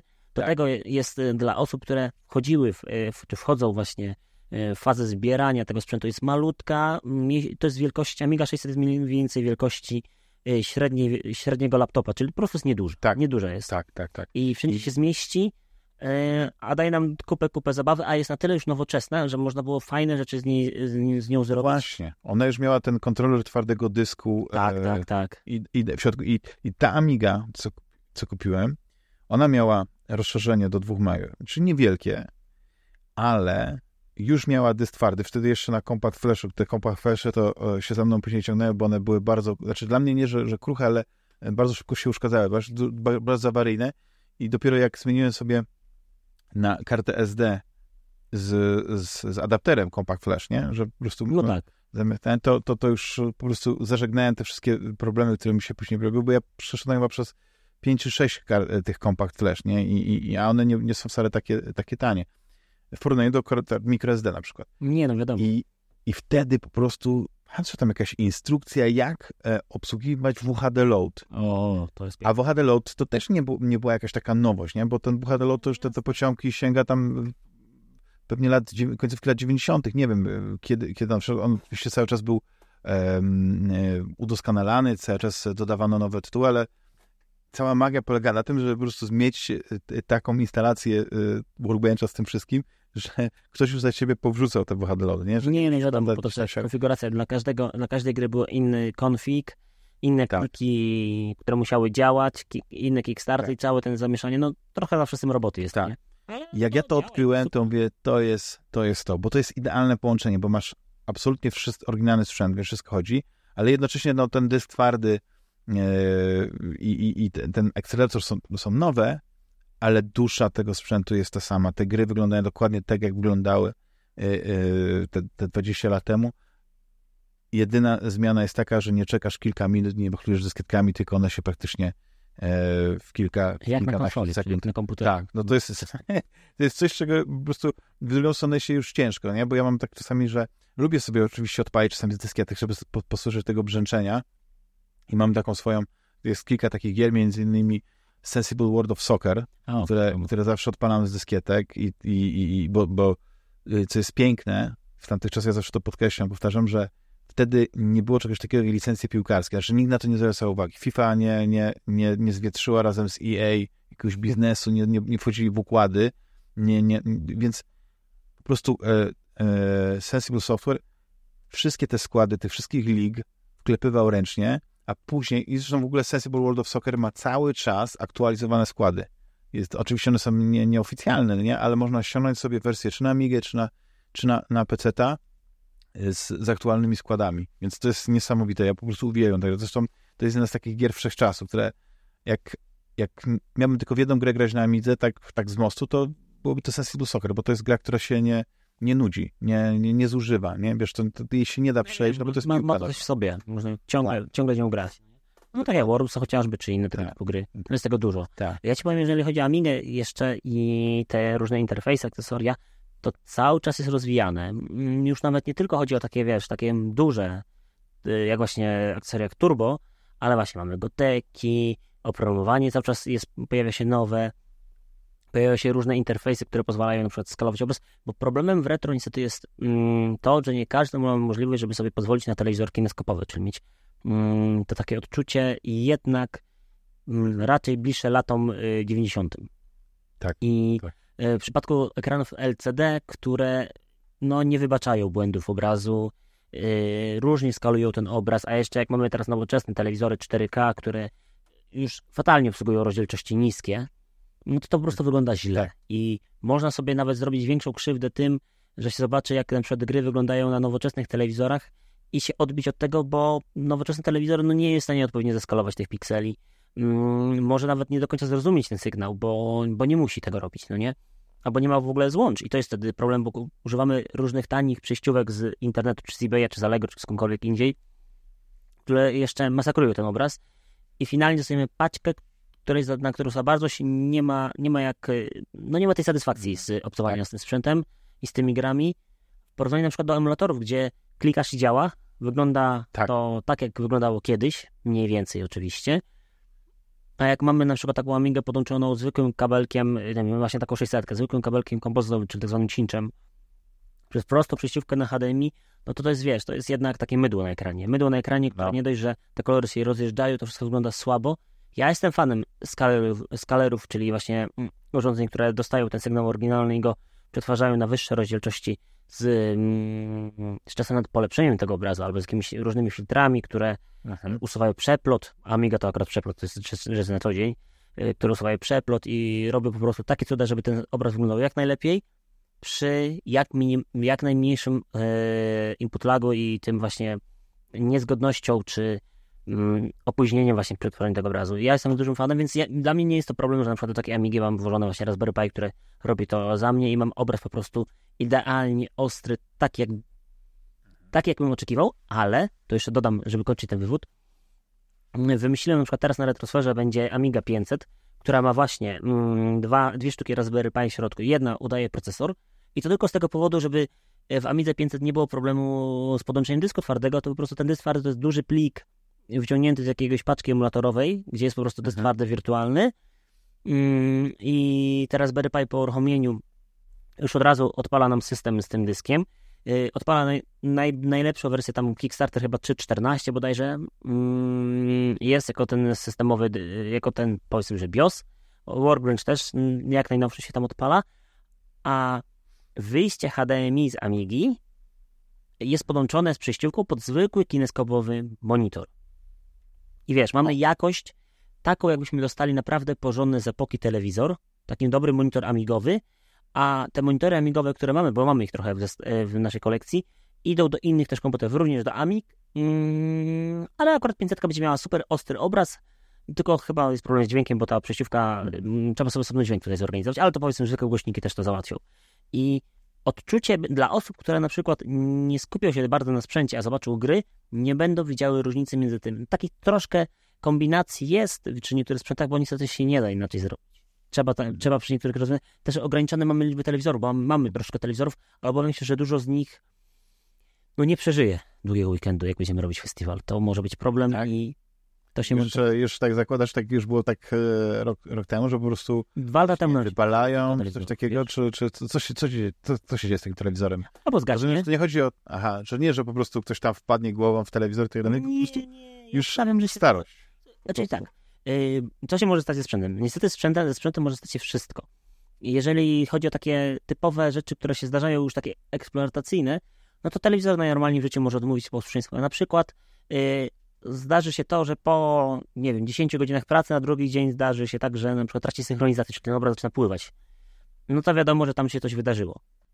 Nie, w, mhm, in, tak. w inny telewizor na przykład mieliśmy raz taką sytuację, to była dosyć niebezpieczna, przy chyba trzeciej edycji, najnormalniej w życiu telewiz z telewizora zaczął różowy dym lecieć, wiesz? Nie jakiś no to... Rubin był, czy coś takiego? Nie, zwykły jakiś taki telewizor Philipsa, czy tam LG, czy jakiś inny, zwykły 15-calowy, taki sprzed 20 lat. Hmm. Żaden, żaden rewelacyjny telewizor, ale akurat fajny był komplet wszystkich wejść i czy to nawet Panasonic był, miał wszystkie, miał i euro złącze i, i z przodu miał wejście na zwykłe, i miał S-Video chyba jeszcze. I do tego wszystko można było sterować z poziomu telewizora, nie z poziomu pilota, bo to jest masakra pilota. O pilotach też ci jeszcze opowiem zaraz. I y, y, musiałem poprosić wszystkie osoby, aby opuściły pomieszczenie. Musiałem, oczywiście odłączyłem ten telewizor, wyniosłem go na zewnątrz on sobie tam dogorywał już na zewnątrz, tam się wyparowało, co się miało się w nim wyparować, to się wyparowało. I musiałem przewietrzyć y, pomieszczenie, bo to wiesz, to jednak nie wiadomo, co tam się wydarzyło. Tak. I po chwili można było wejść, jak już było pełni przewietrzone, bo to jest jednak pewne, pewne niebezpieczeństwo. I takie rzeczy. Uratowaliście ten telewizor? Uratowaliście później? Nie, ten telewizor się nie dało, bo okazało się, że się dużo podzespołów spaliło w środku i już nie było sensu go naprawiać i poszedł do utylizacji. No ale to też jest ważne, żeby taki telewizor zutylizować w miejscu, które zajmuję się takim sprzętem, a nie na przykład, wiesz, niektóre osoby, nie wiem, czasem chodzę, no, chodzę mm, z teściów psem do lasu, a w lesie, wiesz, leży sobie jakiś rozwalony telewizor albo jakiś inny taki, że nie wolno robić. Też misją trochę retrosfery jest ekologia i jednak jakieś budowanie jakiejś świadomości, że takie rzeczy nie powinno się wyrzucać. Są odpowiednie miejsca, jak już ktoś się chce pozbyć elektroniki, a nie chce jej przekazać komuś innemu, bo jest na przykład totalnie niesprawna albo cokolwiek innego, to są punkty selektywnych, to się nazywa bodajże PSZOKI, czyli punkt selektywnej coś tam, coś odpadów. Segregacja odpadów chyba jakoś tak to się nazywa. I w takich punktach można taki sprzęt oddać, czy nawet do sklepów y, z elektroniką y, można spokojnie taki sprzęt oddać i oni się już tym zajmą, a nie wyrzucać, czy tam gdzieś tam trzymać w piwnicy później po 20 lat i ten sprzęt się później, wiesz, po, wil- po leży wilgoci też niestety ta wilgoć wpływa na to, że ten sprzęt się rozsypuje. Długi wywód. Ale mm, no, awarii jest dużo, ja to, ja to wszystko y, i cała moja ekipa to przewiduje, że się na pewno coś może zepsuć, są też sprzęty, które są po prostu upierdliwe w swoim działaniu. Z takich sprzętów na przykład jest ZX81, czyli mm, e, drugi komputer firmy Sinclair, bo wcześniej był ZX80, którego niestety nie mamy. ZX81, który zresztą podarował nam Artur, którego poznałeś zresztą. Tak, e, tak, tak. Tak, i... Pozdrawiamy. Tak, e, e, tak, pozdrawiam cię Artur. Dalekiej północy ode mnie. Tak, ale też w sumie niedaleko z tego, co wiem od ciebie. No nie, nie, jak, jak już się przeprowadziłem, to, to, to bliżej, bliżej no, niż dalej teraz. No właśnie. I wyobraź sobie, że to jest sprzęt problematyczny. Z, po pierwsze, on jest sam so, y, ze względu na swoją specyfikację, czyli procesor Z80 i 1 KB pamięci, bo nie mamy, nie mamy do kupionej y, rozbudowy pamięci. I wyobraź sobie, ile tam ktoś się musiał nagłówkować, żeby jakąś grę napisać, która się w 1 KB pamięci zmieści. No i mamy, mamy, tetry, mamy mam chyba na to przygotowanego Tetrisa i Pacmana. Oczywiście to są bardzo takie y, jednokilobajtowe, czyli tak naprawdę bardzo skromne wersje tych, tych gier, ale grywalne pod tym kątem, że założenia oryginału są przeniesione, czyli mamy w przypadku No. Tetris'a spadające klocki, jakieś nawet tam zliczają się Wiesz, Dla punkty. mnie fascynujące jest, czego w ogóle nie, przepraszam, że słowo, ale Tak. a propos tych, tych pamięci, że Atari 2600 nawet nie miało jednego kilobajta, to chyba było tam 256 bajtów, tak? Tak, tak, oczywiście. pamięci. I ja nie wiem, jakie tam sztuczki były, no bo wiadomo, że kartridże miały no, tam więcej tej pamięci. No nie, że to, to nie było tak, że, że gra się mogła zmieścić w 256 bajtach, ale no potrafiono takie niesamowite rzeczy robić. Yy, znaczy, no wtedy to było ograniczenie sprzętu, no nie? Ale dziś dla mnie to jest, to jest niesamowite, jak, jaka była myśl tych, yy, no, Ale wiesz, to też jest tak, że w przypadku takich sprzętów, gdzie mamy bardzo mocne ograniczenia sprzętowe, no właśnie, taki Atari 2600 jest mm, pięknym przykładem. Em, No to assembler, języki niskiego poziomu programowania, które pozwalają e, pracować bardzo blisko sprzętu, dzięki czemu e, oczywiście programista się napracuje przy tym, ale jest w stanie wyciągnąć z tego sprzętu więcej niż by pracował w tych, w tych językach wysokiego, wysokiego poziomu. To też jest troszkę, przeniosę się teraz do nowoczesnych gier, to też jest troszkę problem dzisiejszego rynku growego. Bo mamy teraz super silniki, tak jak Unreal, Unity i całą resztę silników. I niestety, jak pracujemy trochę generycznie w tych silnikach, to przez to później mamy wiele gier, które niestety wyglądają podobnie, mają podobne efekty, efekty mm, mm, graficzne i mają coraz większe wymagania, bo niestety optymalizacja jest bardzo czasochłonna i bardzo problematyczna. Mm, nie wiem, czy pamiętasz. Yy, mm, o, Uncharted. Bodajże czwarta część na PlayStation 4. To była jedna z piękniejszych gier, która wyszła na, na tamten sprzęt. Tak, tak. I ona robiła naprawdę wow. Ona, God of War pokazywały, że mimo, że y, dosyć skromna y, specyfikacja tej konsoli pozwala wyciągnąć, y, stworzyć gry, przy których osoby, które miały pecety, no chciały zagrać tą grę Tak, i, mu- tak, i wspominał o tym, że to naprawdę dobrze wygląda. Bodajże chyba w czwartej części, tak mi się wydaje, że to chyba w czwartej części była taka scena, gdzie mm, brat Natana przybiera się. Ściąga koszulę, mm, ta koszula ma swoją fizykę, ubiera chyba coś, chyba garnitur wtedy. Taka scena w grach się nie działa. Nie pamiętam innej gry. Oczywiście może 16-bitowy tam Larry na przykład się przebierał. Ale wiesz, gry, która była tak zaprogramowana, że główny bohater, czy tam y, y, która, którakolwiek z postaci, po prostu robiła to i nie było Tak. to było po prostu naturalne. W innych grach najczęściej mieliśmy albo jakiś przerywnik filmowy, albo Tak, by- ktoś by wyrenderował po prostu taką scenę. tak jest, albo na przykład w jakiś sposób to było obe, obejście, na przykład, nie wiem, wchodził do szafy, wychodził z szafy już przebrany, no wiesz, no takie sztuczki różne. Czy No jakiś, tak, jakaś... Taką naj, naj, naj, najzwyklejszą sztuczką, która jest do tej pory wykorzystywana, to jest jak na przykład postać drugiej postaci coś przekazuje, to nigdy nie widzisz tych dłoni albo coś takiego. No właśnie. Cała ta animacja, która była związana z płyn, słynnym przekazaniem, coś, co na przykład robi wrażenie w takich grach jak, nie wiem, y, The Division, nie? Że tam po prostu ten kontakt, y, przynajmniej y, teraz nie wiem, no musiałbym, musiałbym to zweryfikować, nie, po, po latach, ale czy to, wiesz, podnoszenie na przykład przedmiotów, nie, jakichś butelek, czy otwieranie drzwi samochodów i tak dalej, że to wszystko było tak, tak płynnie zrobione, nie? Czy tam akurat może tam się nie otwierało takie drzwi samochodów, to się zamykało, po prostu popychałem, ale jak podnosiłeś coś, na przykład z blatu jakiegoś stołu, to ta animacja była ultra płynna, no nie? I ten, dlatego ten, bo to jest chyba e, Snowbright, nie, jak się nazywa ten silnik e, Ubisoftu? Który oni, Oj, oni oni, znowu- oni mają kilka tych silników. coś chyba, coś chyba, e, albo Dunia, albo, albo, albo No, coś, nie chyba wiem, też, bo oni... albo coś ze Snow, ale mogę się mylić, nie? Ale po prostu niesamowite wrażenie. Zresztą w ogóle ja uwielbiam gry Ubisoftu i No widzisz, właśnie... moją ulubioną grą Ubisoftu to jest Ghost, Ghost Recon Wildlands. Tom, e, Tom No Clancy. tak, nieraz wspominałeś, a ja wolę akurat, powiem ci, to ja się od tej gry niestety odbiłem, ja jednak wolę MGS-a Phantom Paina, który po, w podobnym czasie chyba obie gry wyszły. I też Tak. troszkę zahaczają, wiesz, no i obie są grami militarnymi, tylko wiadomo, to są jednak, jedna gra jest bardziej takim mm, patos, patos, patos, druga jest bardziej jednak wojsko.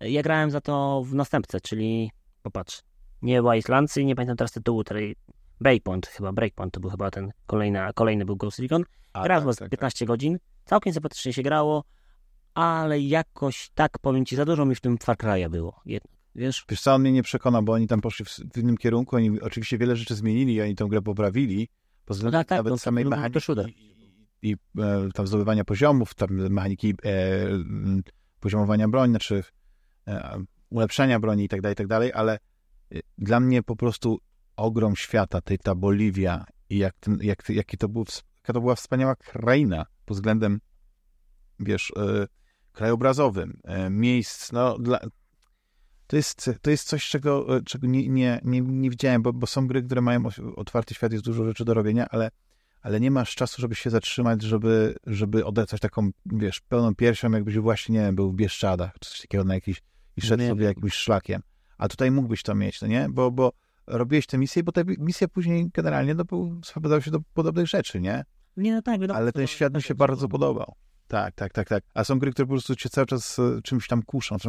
Ta fabuła jest taka interesująca, tam się coś dzieje ciągle i, i tak naprawdę biegasz e, od punktu do punktu i nie zatrzymujesz się na, na to, żeby podziwiać ten otwarty świat, wiesz, tej, tej, tej pracy, no nie? Że, że no to, oczywiście to, ja to mówię tak trochę ze swojego punktu widzenia, czyli, Ale czyli to, to miałem, moja, moja wina, nie?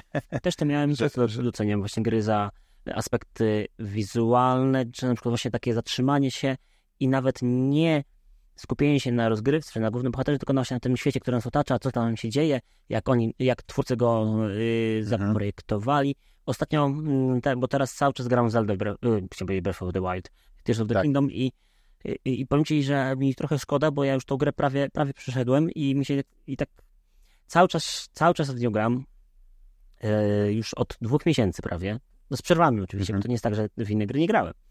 No tak. I tak mi szkoda kończyć tę grę, wiesz? Tak mi szkoda dokończyć grę, bo ja się tak su super bawię w tej grze i mm, i mam to samo uczucie, jak grałem wcześniej w Breath of the Wild. Po prostu chce mi się grać i mimo tego, że czasem robię jakieś pierdółki, albo po prostu idę sobie po mapce i, się cieszę grą.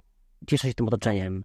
I nawet nie muszę jakichś wątków robić, czy czegokolwiek, co miałoby większy, większy sens. Po prostu na przykład sobie biorę konika i sobie konikiem po, po prostu sobie przez 10 minut yy, pojeździmy po, to, po okolicy i czasem coś fajnego odnajdę, czasem sobie jakiś znacznik zaznaczę. Właśnie, tak. I tyle. Tak miałem też na przykład yy, przy yy, Ghost of Tsushima, wiesz?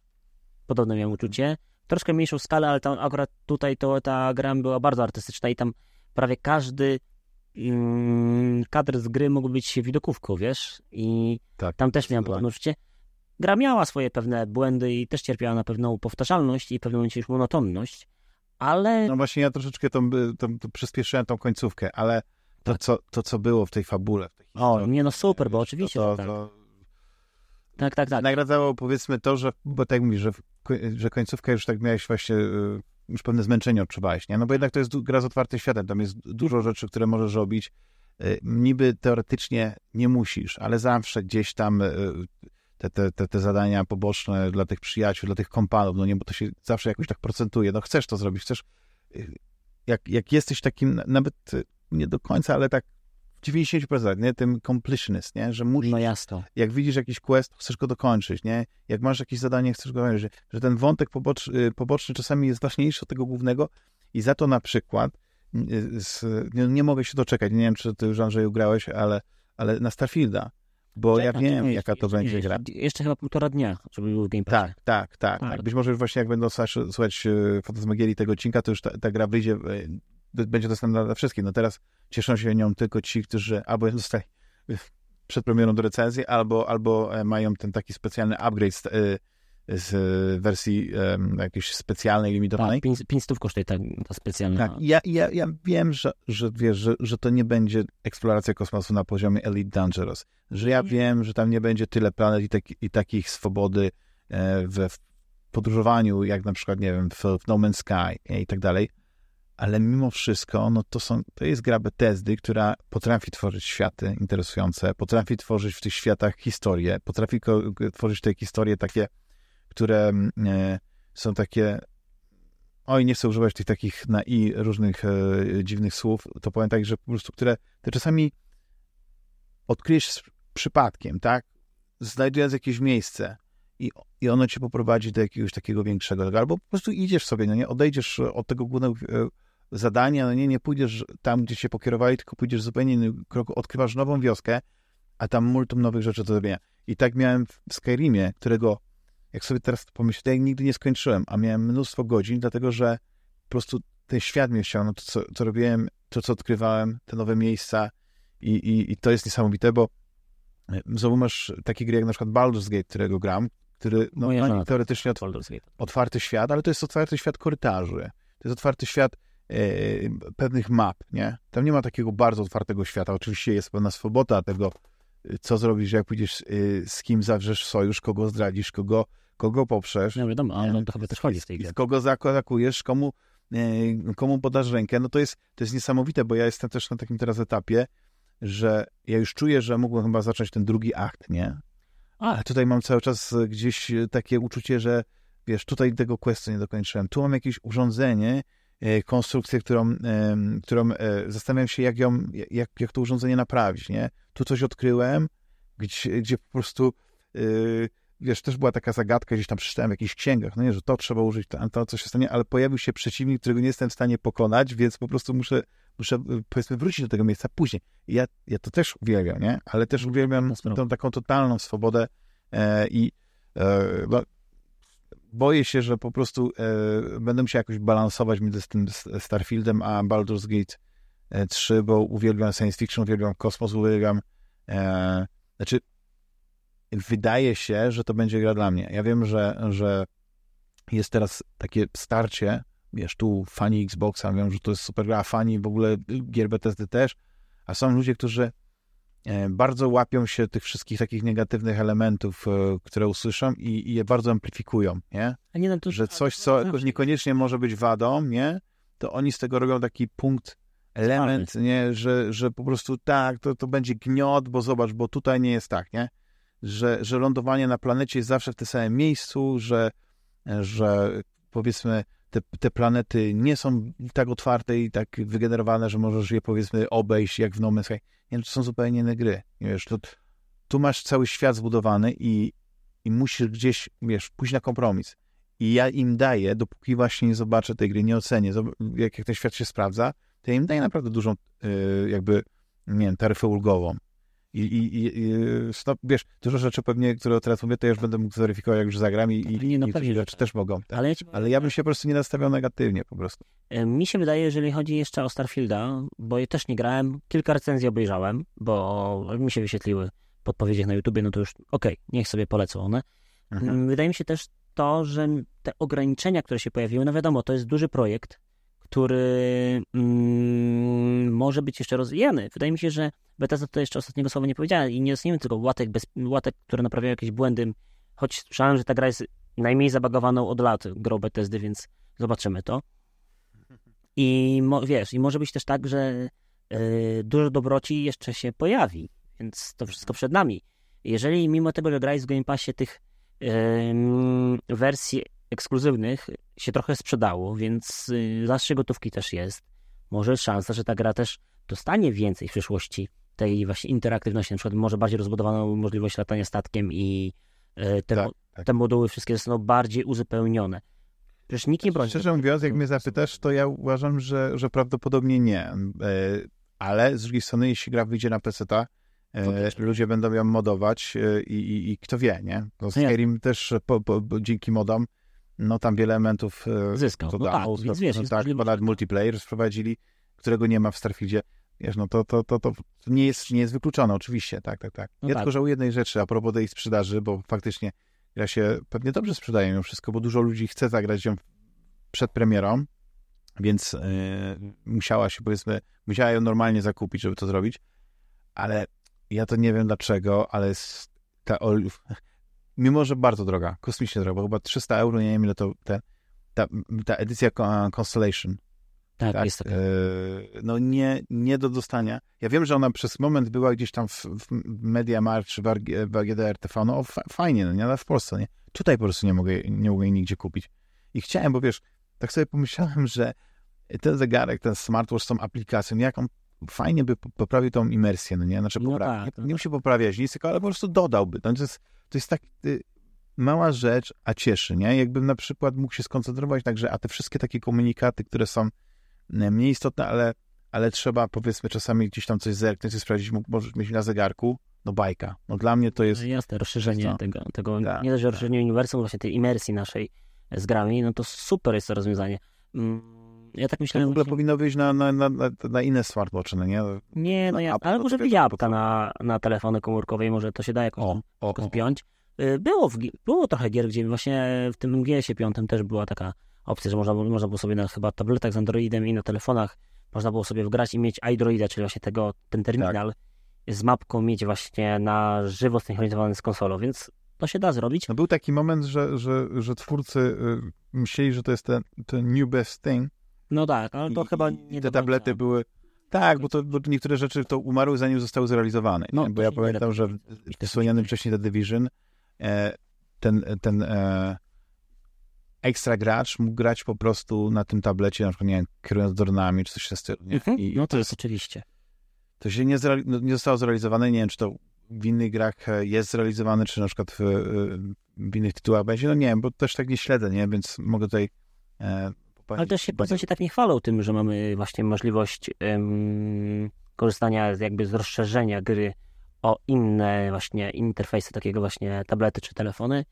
No chyba, że chcemy na przykład teraz, może ktoś będzie chętny i kupi sobie PlayStation Portal pod koniec roku i wtedy będzie mógł sobie grać na terminalu do PlayStation 5. No, No, dla mnie to jest taki, jest, jeszcze no, mi ciężko jest zrozumieć, znaczy ja wiem, że no, jakieś zastosowanie tego jest. Są osoby, które korzystają z Remote Play, grałem. ale u mnie ten Remote Play nigdy nie działał i też nigdy nie, nie czułem, że on jest dla mnie niezbędny.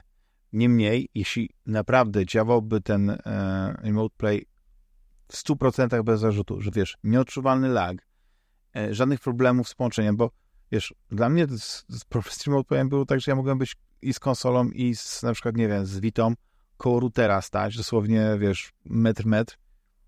Nie było I artefaktu. Tak, i tak były artefakty, i tak był, były lagi, no nie dało się grać w żadną grę taką, której e, jakakolwiek e, czas reakcji byłby istotny, nie? Albo w ogóle cokolwiek by się działo na ekranie. Nie wiem, oczywiście no, są osoby, które opowiadają, że co ty gadasz, u mnie po prostu złoto, no nie, lepiej niż na, na konsoli i, i tak dalej, no tak.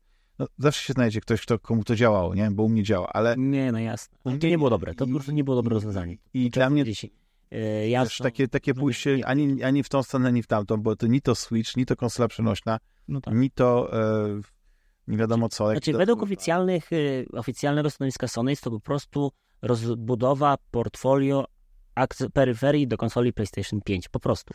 I mhm. tak, to jest, tak to jest celowane, tak to będzie sprzedawane i tak będzie... Nie jest na szczęście bardzo drogie, tak? Nie, nie, nie polecieli w kosmos. Około 1000 zł, to, to, cena jest tak. z jednej strony atrakcyjna, z drugiej strony a myślałem, że 200 euro. Aha, no. Ale u nas to będzie trochę więcej, u nas będzie około 1000 zł, Tak. mniej więcej, plus minus. Wi- Wiadomo, to, Mhm. to wyjdzie też, zależy od y, kursu. Tak, bo to cena pewnie Złotówki. 200 dolarów, ale w Stanach, tak. Tak, tak. U nas to będzie chyba około 2 Dwa euro. to, to. w Europie. Ale mm, wiesz, no, przekaz jest jasny. To jest, to jest usługa terminalowa do konsoli PlayStation 5 i do tego została stworzona. Jakbyśmy porównali to do innych rozwiązań tego typu, no to poza rozwiązaniem takim, że mamy smartfona i aplikacje Sony, mówią o licencjonowanych, takich oficjalnych rozwiązaniach, no to za bardzo nie ma innej opcji, no bo Wiesz, jakby oni dodali na przykład do tego, że możesz, nie musisz z konsoli streamować, możesz streamować po prostu bezpośrednio z, z, z chmury, internetu, tak. to byłoby super. I masz po prostu urządzenie do, do grania właśnie z chmury. No tak jakbyś miał, nie wiem, dedykowane urządzenie do, do grania e, clouda, nie, Xboxowego. No i ja bym się cieszył. Znaczy, Jest ja takie oczywiście mam coś takiego, urządzenie, tak, Steam Deck mi się tak sprawdza świetnie i, i, i nie mam absolutnie żadnych problemów, ale y, dla Sony powiedzmy, jeśli masz coś, co jest ułamkiem ceny tych, tych przenośnych PC-ów, tych mm, PC-to konsolek, to, to okej, nie? Że to jest jakieś rozwiązanie. Tylko musisz mieć tą, tą, tą stuprocentową pewność, że możesz coś takiego zrobić i oczywiście to nie może mieć wystarczająco dużej mocy, żeby tam przypadkiem nie, e, gadżeciarzy nie, nie, nie, nie, nie wymyśli, jak, jak można to wykorzystać inaczej, nie? Ale Ja jestem pewny, że w pierwszy dzień, jak tylko będzie premiera tego sprzętu i będzie dostępny, zaraz zostanie zhakowany i zostaną utrwalone na przykład ktoś fotroluje i wrzuci w internecie zdjęcia z odpaloną aplikacją na przykład Xboxa.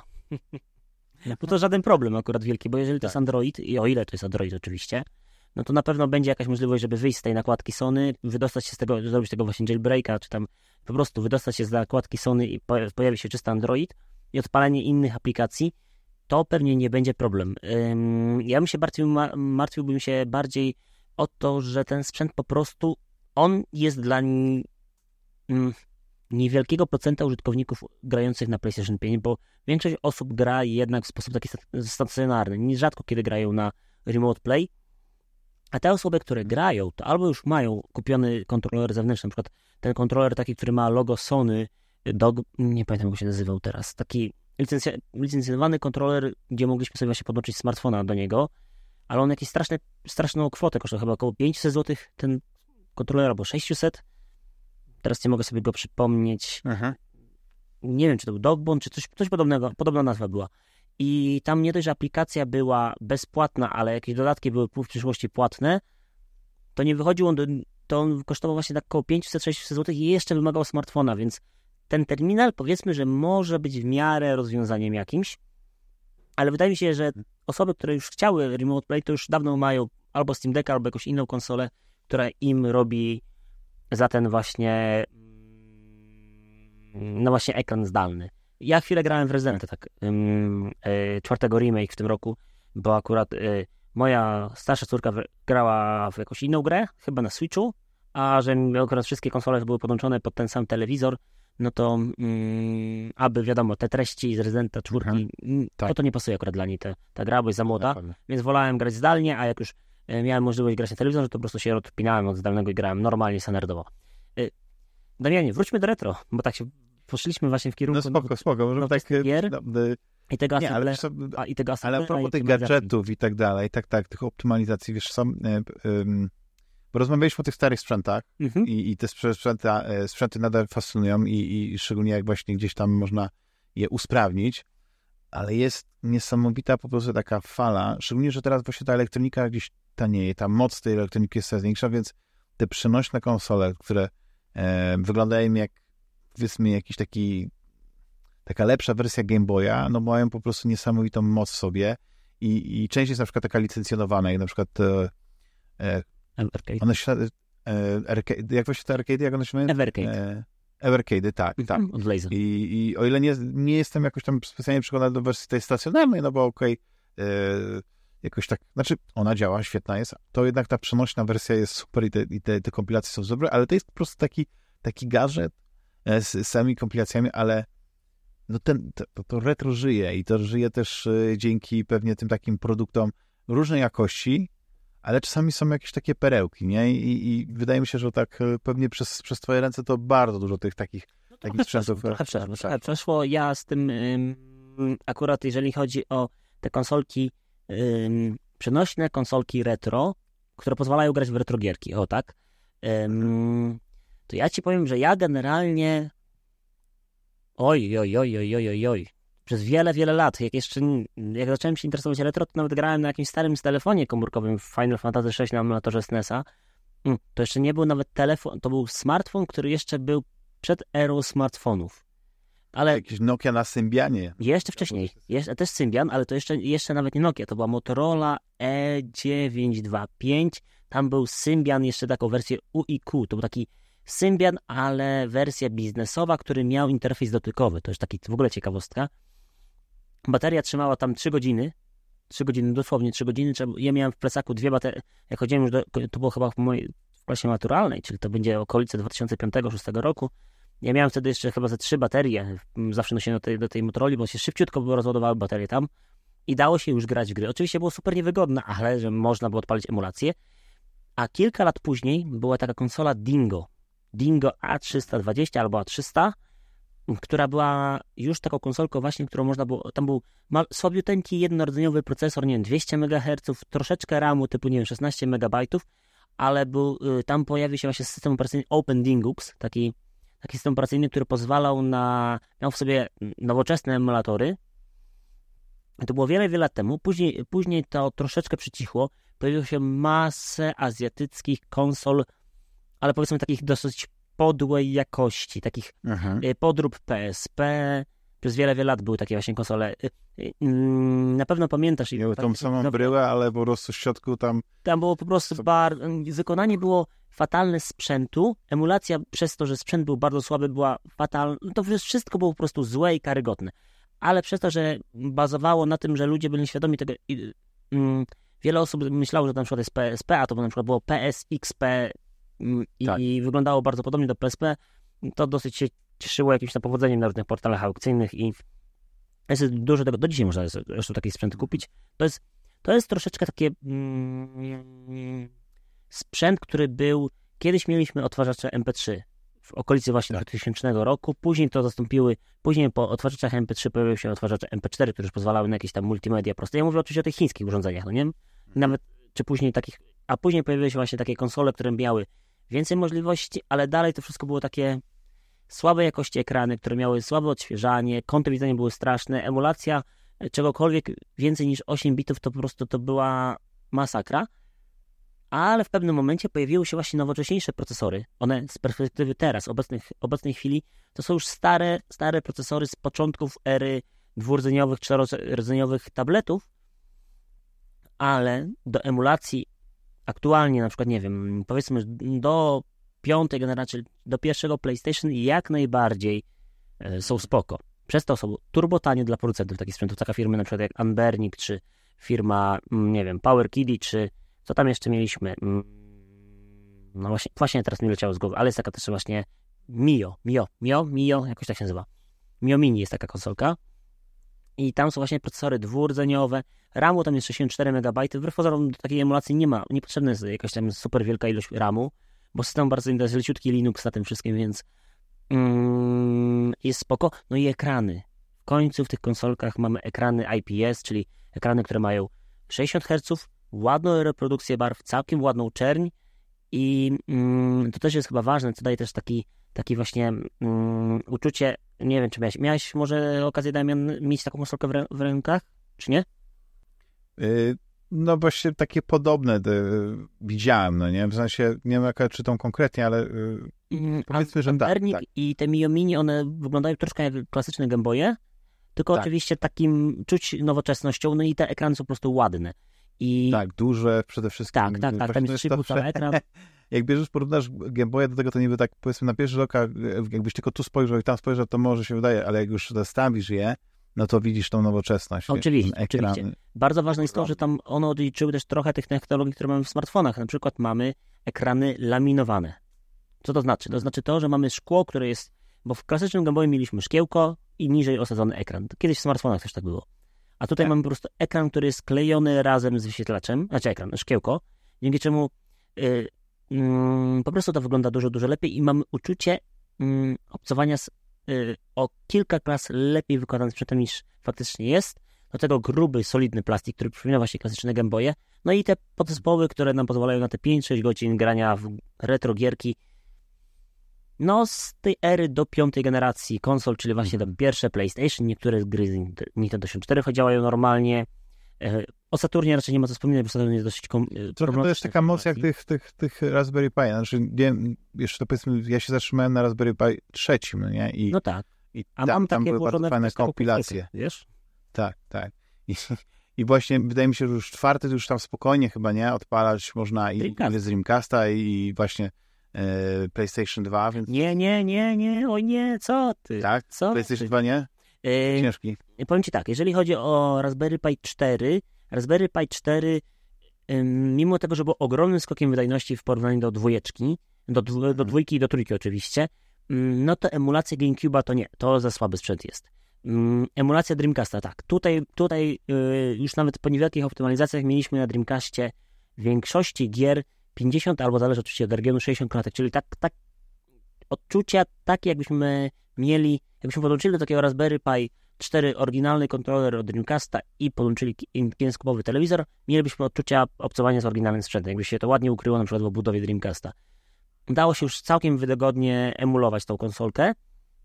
GameCube nie, GameCube to jest 5-6 klatek niestety. Niektóre gry z PSP chodziły nawet w miarę grywalnie, ale to nie jest do końca dobre rozwiązanie na aktualnych, yy, akurat Raspberry Pi 4 nie dostała żadnej aktualizacji sprzętowej, więc dalej mamy czwóreczkę, ale konkurencyjna płytki od Orange Pi, Orange Pi chyba bodajże 5 wyszło w niedawno, tam już GameCube, GameCube yy, powiedzmy, że można już PlayStation 2 odpalać na całkiem mhm. dobrym poziomie, tam też działa Android, więc mamy ten emulator na Androida też napisany całkiem nieźle, tam już jest fajnie. Tylko wiesz, to cały czas są takie jednak płytki, które mają te proste chińskie procesory, które mają, używamy ich albo na przykład w jakichś e, przystawkach do telewizorów, które obsługują multimedia, albo można na przykład odpalić, yy, one są używane na przykład właśnie w przystawkach, w konsolkach, raczej nigdzie indziej, no tablety oczywiście jakieś z Androidem prostsze, tam one będą. Nv Nvidia Shield na przykład był dobrym przykładem, bo tam mamy przecież procesor, który jest użyty w Switchu.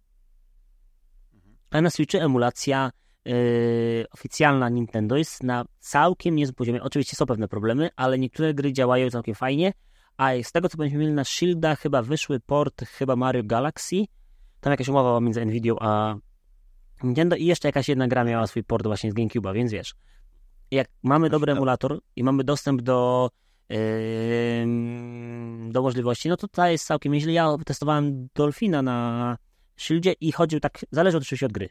Średnio, bardzo mocno średnio i standardowa odpowiedź to zależy i tutaj tak raczej jeszcze to nie było to. Przy nowych płytkach, no masz, masz, masz przecież y, Damianie Steam Decka. Na Steam Decku chyba w tej chwili można emulować już prawie wszystko, nawet niektóre gry z PlayStation 3 są całkiem grywalne. Znaczy ja w ogóle tego nie, nie ten, ale byłem w szoku, kiedy właśnie, bo ja nie wiem, czy 360 można. Można? Pamiętam, że kiedyś to po prostu nawet tych gier niby, bo, bo wydawało się, że to jest proste, nie? Że gry z pierwszego Xboxa, no nie? One były no przecież na PC-cie, no przecież ten Xbox to był PC-tem, no ten, ten, ten Xbox to prawie jak, jakby DirectXa używał, to dlaczego tego nie dało się tych gier wyemulować, tego, tego. Wiem, że był jakiś taki problem.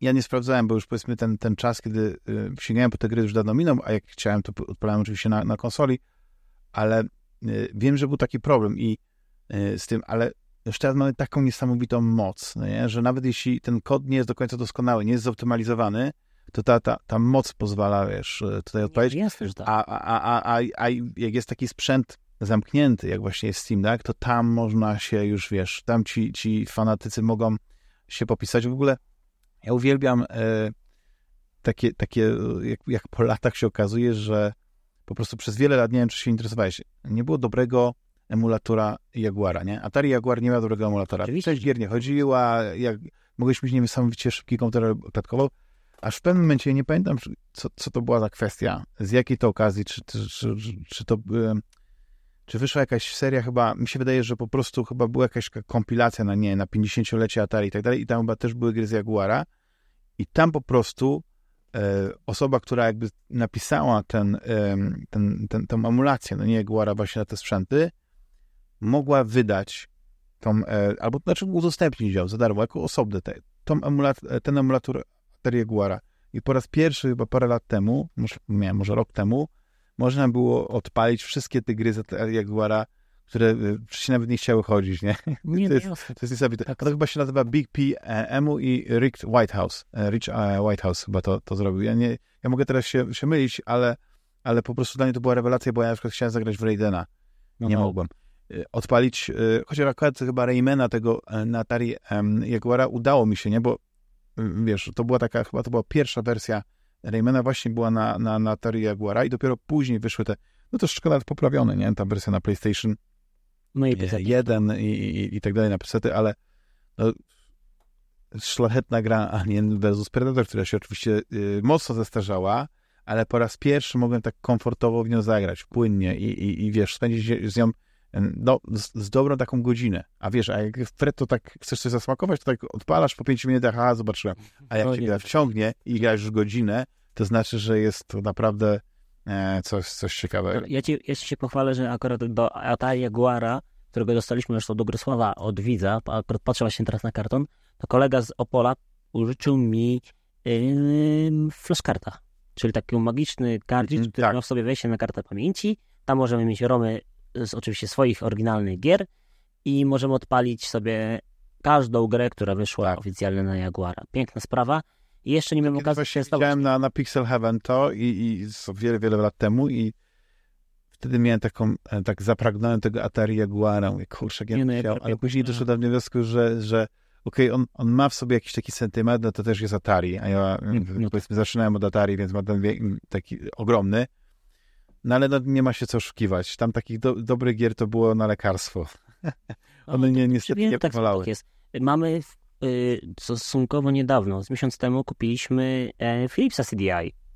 Do, udało nam się znaleźć w internecie już z tą przystawką do, do kodowania multimediów i bez żadnej gry. Więc oczywiście CDI nie miał żadnego zabezpieczenia- zabezpieczenia antypirackim, też Tak. nie przewidywał, że ktoś będzie piracić. te- No, tak jak Kiedy- CD32 to samo. też. No, no oczywiście. No to ściągnąłem jakiś obraz jednej gry, żeby sprawdzić, czy to działa. Oczywiście tylko w, te, w chwili, żeby to sprawdzić. Później ten nośnik zniszczyłem, żeby nie było. Tak, tak, tak. I no, to jest naprawdę mm, sprzęt. To jest sprzęt, który ładnie wygląda, ale niestety gry... No, gry są do problematyczne dużo. Kupi, kupiliśmy, kupiliśmy taką składankę gier Family Game, czy jakoś tak się nazywa. Gry, które tak naprawdę są grami...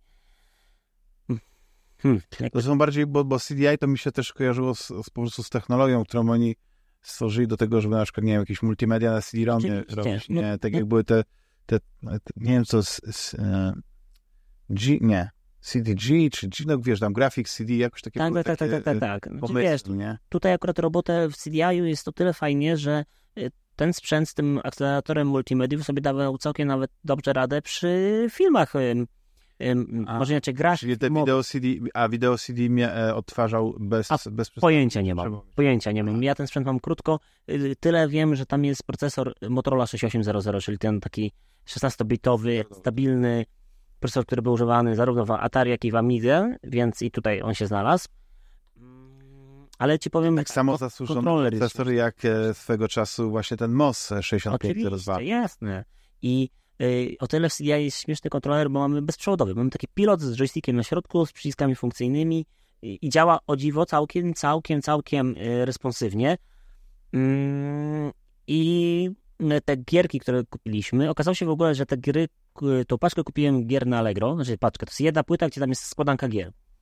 Ale to są takie gry, które tak naprawdę są zapychaczami, jak mamy jakieś, nie wiem, składanki gier na, no nie wiem, na Pegasusie, to są te gry z samego końca, czyli wiesz, wszystko to są jakieś klony innych gier, Mhm. nic, nic szczególnego, raczej gry takie hobbystycznie zrobione, ale ktoś je wydał. Są, mamy gry na CD- CDI, można, można poczuć to, ten, jak ten sprzęt działa, ma głośny, Mhm. głośny napęd, ale wiesz, ale jest. I to jest też fajne, to jest wersja nasza europejska, więc ma złącze z kart i to jest fajne, bo zawsze konsole mają jakieś swoje nietypowe wyjścia wideo, a tu jest tak, jak mamy w telewizorze złącze z kart, czyli eurozłącze, tak, tak jest właśnie w, w tym odtwarzaczu konsoli. Zwykły przewód euro z dwóch stron wpinamy i mamy super ostry obraz RGB i no jest to doświadczenie. Jest to doświadczenie. Tak. Czy super fajne? Nie do końca bym powiedział. Y, Odpaliłem na tym... Ale na pewno ładnie się prezentuje. Więc Nie, no tak, oczywiście, bo to jest, wiesz, ładny, to jest taki e, kawał sprzętu funkcyjnego. Tak. Tak samo jak ja mam taki sentyment, oczywiście sentyment niepoparty niczym, oprócz tego, że oczywiście widziałem e, 3DO w gazetach, ale to też ta fascynacja, że tam były takie różne, e, że, że to było konsorcjum, które po prostu zdecydowało się na tą technologię i, i, i nie wiem, Gold Star, nie wiem, chyba właśnie, nie wiem, Panasonic i tak dalej, wiesz, wydawali swoje te wersje, Toshiba chyba, No, Mogę się strzelać teraz w głowę niektórymi rodami, ale miały te swoje wersje i one wszystkie tak niesamowicie prezentowały się, bo kiedyś elektronika taka użytkowa, nie, tam, te wieże i tak dalej, że to wszystko miało taki niesamowity styl. Mhm. A jeszcze jak była taka pewna standaryzacja, jaka, nie wiem, czy tutaj można mówić o standaryzacji w tych konsolach, ale mi się zawsze tak jawiło na przykład CD, y, CDTV, nie, że, że to wygląda jak sprzęt, który mógłbyś postawić na wieży, albo jako jeden z modułów wieży i ona by tam pasowała. Oczywiście e, nie wiem, czy na, na szerokość tak dalej by się to, to zgadzało, czy tak, tak Ale mi się wydaje, że chyba tak. była. Wiesz? Mi się wydaje, Ale- że to ale- było ale- w miarę unormowane wtedy. Dokładnie, ale jak to by pięknie wyglądało, nie? Że taki, no taki, jasne, taki tak. klimat, nie? No i, i to 3DO właśnie też, e, gdybym tylko miał miejsce, żebym mógł sobie postawić na pozorze powiedzieć, to tak, nie? Ale mi się wydaje, że teraz e, jak, jak już gdzieś ktoś ma tą nostalgię, tylko nie właśnie trzeba w przypadku 3DO e, to się, to się, to się spełni, nie? Ale spełniło się z wieloma konsolami. Ale też jest coś No, takiego... wydali taką ją mini. Kiedyś może wydadzą, wiesz co, ale jest też coś takiego jak nostalgia nabyta, wiesz? Że mimo tego, że ja na przykład nigdy nie miałem CDI-a, Mhm. widziałem tylko w sumie na YouTubie. Nawet kiedyś, w epoce to nawet nie wiedziałem, że takie coś istnieje. No też, ja też chyba nie słyszałem, żeby ktoś w Polsce miał, nie? No właśnie. I powiem ci, że albo nawet miał, to by nieświadomy, mógł być świadomy, że to jest w ogóle coś więcej niż odtwarzasz CD, na przykład Tak. muzyki. No. No właśnie. I ym, to, że ja teraz ten sprzęt mam, poznaję go, jak on działa mniej więcej, to, to mi wystarczy czasami. I ja nie muszę, wiesz, cofać się do przeszłości, yy, mm, szukać gazet i wspominków tego sprzętu, bo mm, to jest hi- historia, która jest te, tu i teraz, ale jest powiązana z tamtymi latami. Właśnie ten procesor 6800. Można przecież wspomnieć o tym, że e, Atari ST było w ten procesor. y, Zresztą większość komputerów było wtedy ten procesor właśnie zaopatrzony. Zaopa, Nie, ten y, Atari nie miał, miał tej Motorola właśnie w sobie też. No właśnie, więc y, super popularny procesor i to też jest ważne i ważna część historii. Dlatego y, FreeDO, słyszałem kiedyś o FreeDO, bo Need for Speed wyszedł przecież najpierw na FreeDO, a później dopiero wyszedł na Tak. PlayStation. Mówię o pierwszym Need for Speedzie. I pamiętam, że on, że to była ciekawa konsola, ale ona była strasznie droga i nie, nie odniosła przez to sukcesu. Ja, jakbym miał możliwość, to bym ją kupił, ale no niestety w tej chwili to dosyć drogi sprzęt i może kiedyś się uda na niego nazbierać. I Tak samo myślę kiedyś, żeby kupić do, do zestawu do retrosfery MSX-a komputer. Mhm. Albo francuskiego Dragona. Nie wiem, czy masz, to, czy kojarzysz takie, takie komputery. ty, ty, tego zupełnie nieznany sprzęt. No, no właśnie. słyszałem. Je- Ale czy jest, To. wiesz, takich sprzętów trochę niszowych jest dużo. BBC Micro na przykład chciałbym mieć yy, yy, na wyspach. Sam brytyjskich kupę jest bardzo popularny komputer. Czy Acorn kiedyś był też Tak. taki komputer. Yy, I też na to wszystko gry wychodziły, więc wiesz, no, to warto by to mieć. Pomalutku, pomalutku udaje się tą yy, w retrosferze ten mm, yy, zestaw właśnie takich różnych komputerów niszowych uzupełniać. Nie jest to super często, ale tam w roku kupimy kilka. Mm, nie wiem, czy kojarzysz taką konsolę Vectrex. To jest taka mm, konsola, Kojarzę, że Ty- z, z która... grafiką właśnie Wektorową. rysowaną kreskami, Mhm. tak, wektora. Tak, tak. I to już, y, do tego się zabieramy już od jakiegoś czasu, ale akurat Vectrex ym, mocno poszybowały ceny do góry. Jak, jak się zastanawialiśmy nad zakupem kilka lat temu, to kosztowało w granicach 1000 zł, to jeszcze była w miarę atrakcyjna cena. Teraz bliżej 2000, więc Mhm. powiedzmy, że będziemy szukać jakiegoś y, finansowania tego rozwiązania i pewnie kiedyś w przyszłości kupimy.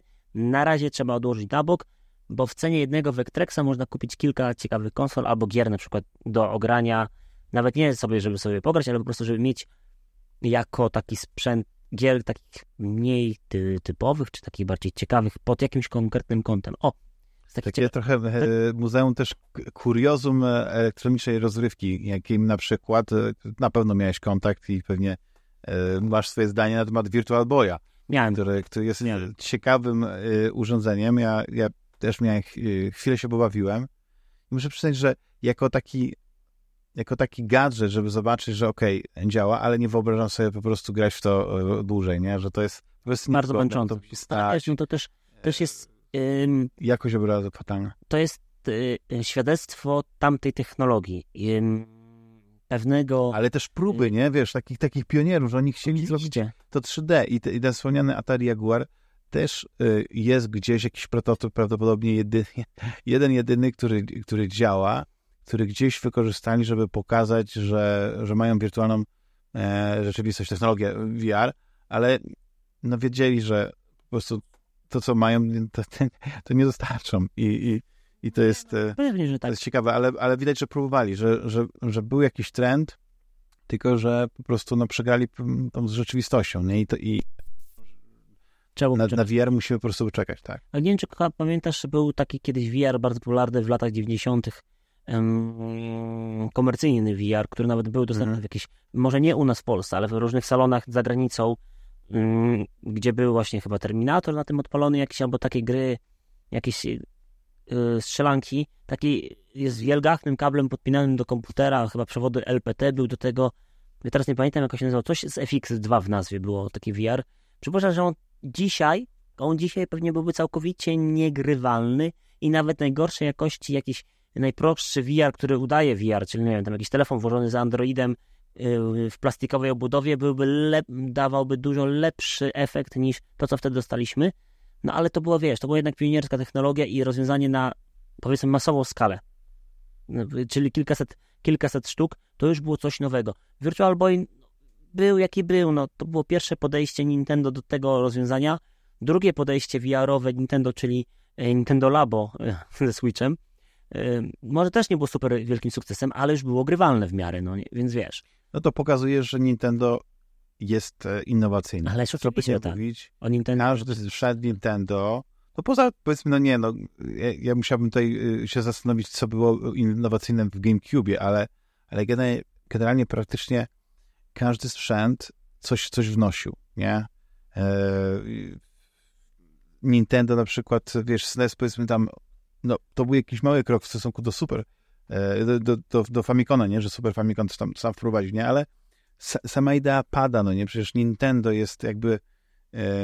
za każdym razem jakby te rewolucje związane z padami, z kontrolerami, one się praktycznie brały od tego, co tam wprowadzało Nintendo. A nie, no jasne, że tak, pewnie, że tak. Krzyżak I, przecież. Inne z konsole tak, po prostu gdzieś to rozwijały i tak dalej. No doszliśmy do pewnego takiego idealnego wzorca, który już tylko się różni pewnymi wariantami, na przykład ułożenia analoga, nie? No, między DualShockiem a, a kontrolerem Xboxowym, ale generalnie Nintendo nie przestało zastanawiać się, co możemy wymyślić nowego, co możemy wprowadzić do tej rozgrywki, bo wiedzą, że przegrywają wyścig technologiczny na, na, na to, co jest w środku konsoli, ale to, co jest na zewnątrz, no to wiesz, ja nie doceniałem Wii, wiesz, moje docenienie Wii przyszło z czasem, kiedy, kiedy zobaczyłem, że no tam są gry, w które nie zagram na innych sprzętach, nie? Tam są gry, w które, które yy, wiesz, yy, mogę się pobawić i, i, i, nie mieć wrażenia, że o jejku, słaba grafika i tak dalej, bo o tym nie myślę. Ja myślę tylko o tym, że mam kontroler, który mm, nie wiem, e, em, emuluje, znaczy odwzorowuje każdy ruch nie, na ekranie, na przykład, nie wiem, szabli czy jakiegoś miecza, nie? Tak było Red Steel 2. Czy, czy, czy mogę grać jakieś strzelanki na szynach? No przecież e, Dead, Dead Space Extraction, zanim się pojawiło, prawda, w wersji na PlayStation 3, to jednak, no to pierwsza wersja była na, na Wii, nie? I to, to działało. To, to, Genialne. To już nie mówię o grach sportowych, no nie, bo Wii Sport to, to jest tak. Tak, tak, tak. Jak ktoś lubi właśnie te wszystkie strzelanki na te... Tylko, że ja, ja uważam, że zbyt mało. Że prawdopodobnie tych gier to, to pewnie, pewnie z 10, a jak 20, to naprawdę pewnie musiałbyś tutaj się bardzo długo starać, żeby znaleźć te wszystkie strzelanki na szy, szynach. Wiesz, że brakowało mi, że na przykład nigdy na ale to było kwestia tego, że no, Virtual Cop na przykład należy do, Virtual Cop należy do, do Segi, nie? I, i, no tak. I wtedy jeszcze Sega miała swoją ale konsolę, wtedy więc... Sega w tym czasie, kiedy było Wii, to już wiesz, to już Sega była taka, ona już wydawała tylko gry, więc no nie, no już... ceniki się pojawiły przecież na, tak. na Wii. Więc mogli to przeportować, ale może nie chcieli. Dlaczego nie? Bo też wiesz, to może być problem, mógł być problem. Może problem był też taki, że Wii było za słabe, aby niektóre rzeczy po prostu pociągnąć i trzeba było poczekać. Tak. Albo po prostu nie, ktoś nie widział w sedze, w sedze nie widział po prostu celu w tym, żeby wydawać te celowniczki. Zresztą na Wii wyszło masę dobrych gier. Przecież Silent Hill Shattered Memories, on wyszedł na PlayStation 2, wyszedł na PSP, Mhm. wyszedł na Wii i na Wii jest taka najbardziej kompletna. Ta część jest taka najbardziej imersyjna. W pewnym momencie gry, nie wiem, czy miałeś okazję grać, albo może widzowie, czy Miałem, ale nie, nie przyszedłem, nie przyszedłem nigdy. ja przeszedłem, ja przeszedłem, ja przeszedłem yy, i w pewnym momencie nawet, yy, tak powiedzmy, że w dwóch trzecich, no tak mniej więcej, po, po połowie gry yy, musimy uciekać na wózku inwalidzkim i musimy, wiesz, tym wilotem i gruszką musimy machać tak, jakbyśmy na wózku inwalidzkim machali i to było takie, no nietypowe podejście do tego, ale jednak, Tak. no potrafił... Nie, to było bardzo fajnej rzeczy. Tam w ogóle to, ta gra, um, ja, ja nie pamiętam dokładnie, ty jak przyszedłeś, to pewnie tam wiesz, że, że te cutscenki, to, to wybieranie chyba kolorów, to wszystko tam miało jakiś taki wpływ na to, jak, to, jak ta, ta fabuła się... Tak, tak. I jeszcze super, Tak. super ważne było to, bo główny bohater używał smartfona i ten głośnik oczywiście w Wilocie nam to wszystko tutaj tam oddawał i to było super, super y, dobrze zrobione. Oczywiście było masę na Wii, które były słabe i to, Mhm. to nie ma co ukrywać. Były takie, niektóre gry były po prostu fatalne, albo wydawanie na siłę gier na licencji różnych, które po prostu były takie, były wydane, bo były wydane. Bo na Wii pewnie wydawanie gier było dosyć tanie i były takie, jakie były, ale też Wiesz, wtedy y, zniknęła ta, ta, ta pieczęć Nintendo A nie, no tak, na Wii tak. a na Switchu to już po prostu y, Wszystko. wiesz, udają, że nigdy jej nie było. I to jest e, to. Jest to. Ale wiesz, Switch to też jest ciekawy sprzęt, bo e, ja miałem Switcha od, od premiery i też e, jakoś tak nie, nie zastanawiałem się wtedy, czy zrobiłem dobrze, czy nie, chociaż były takie momenty, że ten, że ten Switch się naprawdę kurzył, ale jest coś takiego, że po prostu sam fakt, że, że ta konsola, jest e, taka taka zgrabna, taka lekka, taka przenośna y, i że możesz odłączyć te joycony. Uwielbiam gry, w których e, możesz grać multiplayer właśnie na tych połówkach joyconów, że to jest magia tego sprzętu. I znowu to jest ta magia Nintendo. No tak, Ma. Nintendo y, jak nie może mocy, to natrabia, nie wiem, y, stylem graficznym, Kreatywnością. nie artyzmem, y, fizyką w tych grach. No po prostu wiadomo, że y, jak zostawisz powiedzmy Starfield obok Zeldy, no to graficznie no to Zelda Nie wygląda jak wiadomo, no jak oczywiście, że tak. coś sprzed kilku dekad, nie? No A, tak. Ale mimo wszystko, wiesz, jak będzie jak będzie, mm, nie wiem, plebiscyt gry roku, Oj, to to prawdopodobnie Zelda przeskoczy spokojnie Starfielda. Chociaż to jest taki rok, wydaje mi się, o którym będziemy mówili, że to jest ten rok e, taki silny. tak będziemy go porównywać, nie wiem, do tych takich, e, do tych takich dekad typu, nie wiem, 2007, 2008, coś takiego, nie? Wiesz, to były takie, to były te, nie wiem, któryś z tych, ja muszę sobie zerknąć, nie? Bo to ten rok, w którym, nie wiem, wyszedł i Mass Effect, i Bioshock, i te wszystkie inne tytuły. E, no w każdym razie były, taki, były takie Nie, lata, nie, które po prostu w jednym, w jednym roku wychodziło, nie wiem, 5-6 e, gier roku, nie? I każda jakby wyszła osobno, to by po prostu zdobyła tą statuetkę i, i, i, i serce się kraje, kiedy musisz wybierać między nimi. To wydaje mi się, że w tym roku będziemy mieć taki trudny wybór. Oj, tak, tak. Co, się co, co chwilę się coś, Okej. coś Choć pojawia. Ja, mo, moje uczucia już są skierowane całkowicie w stronę Zeldy, choć No ty już zdecydowałeś, tak? Alone, Ale, to, ale Alone in the Dark jest przecież jeszcze w tym roku. Mamy Alan Wake'a dwójkę, chyba Stalker drogie wyjdzie prawdopodobnie. No jest tych gier, które jeszcze pretendują w stronę, e, właśnie Starfield chociażby, e, idą w stronę mm, gry roku. W moim, moim prywatnym tym em, plebiscycie, no je, wydaje mi się, że wygra Zelda, ale jeszcze końca roku nie ma, jeszcze dużo gier może Tak, wyjść. tak. A jeszcze może być tak, że jakaś mała, mała perełka w Game Passie się pojawi na przykład w połowie grudnia i wiesz, i będzie rządzić i będzie czymś, co graczy, się takiego na przykład w zeszłym roku. E, Sea of Stars na przykład. Chociaż e, ja, ja, ja trochę pograłem, bo to jest gra oczywiście na Game Passie, ale to jest no, gra, która prześlicznie wygląda. No. Wygląda jak japo, japoński RPG, do którego powiedzmy gatunku aspiruje, nie? Czym jest, ale no, w zalewie naprawdę takich nawet cztero A gier, no nie? No to ciężko to. po prostu znaleźć czas na, na, na, na tytuł taki mały, e, nawet uroczy, tylko, tylko, tylko po prostu trzeba się skoncentrować na tych największych. To, to jest trochę jest, jak wiesz, jak z kinem, nie? Mówisz, że o, nie będę oglądał ambitnego kina, bo muszę obejrzeć te wszystkie Marvele. No nie do końca tak, nie? No bo, bo No, te, te, oczywiście. No i to,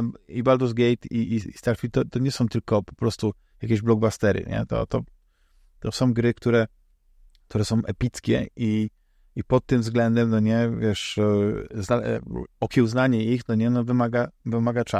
to są też gry, które kształtują y, późniejszy rynek gier. I pewne mechaniki, czy nawet pewne rozwiązania z tych gier zostaną z nami na długie, długie lata też w innych grach. I to jest, wiesz, to jest też tak, że takie, ta, ta, na przykład takim właśnie, taki moloch jak pierwsza Zelda, czy Breath of the Wild, była wielokrotnie później kąpywana, bo przecież dostaliśmy y, elementy te, tego w Genshin Impact, dostaliśmy elementy w Immortal Phoenix Rising, jak pamiętam, jak tak się nazywa ta gra od Ubisoftu, to był przecież prawie, że miejscami żynka z Zeldy, więc Mhm. i w innych pomniejszych grach również dostaliśmy te elementy, więc wiesz, no są gry, które w pewien sposób kreują mm, późniejsze produkcje i tak już będzie. No nie, i ten rok jest taki, że nie dość, że może pierwsza połowa roku to były mocne remake'i, bo dostaliśmy przecież doskonały remake chociażby, mm, popatrz, zapomniałem, Resident Evil 4 chociażby, czy em, popatrz, jak, jak się nazywał ten y, horror w kosmosie? Pop, zapomniałem też tytułu. Y, no, E, Horror w kosmosie. E, wiem, wiem, Dead Space. Dead Space właśnie, em, który też miał pewne swoje problemy, ale też jest naprawdę spoko grą.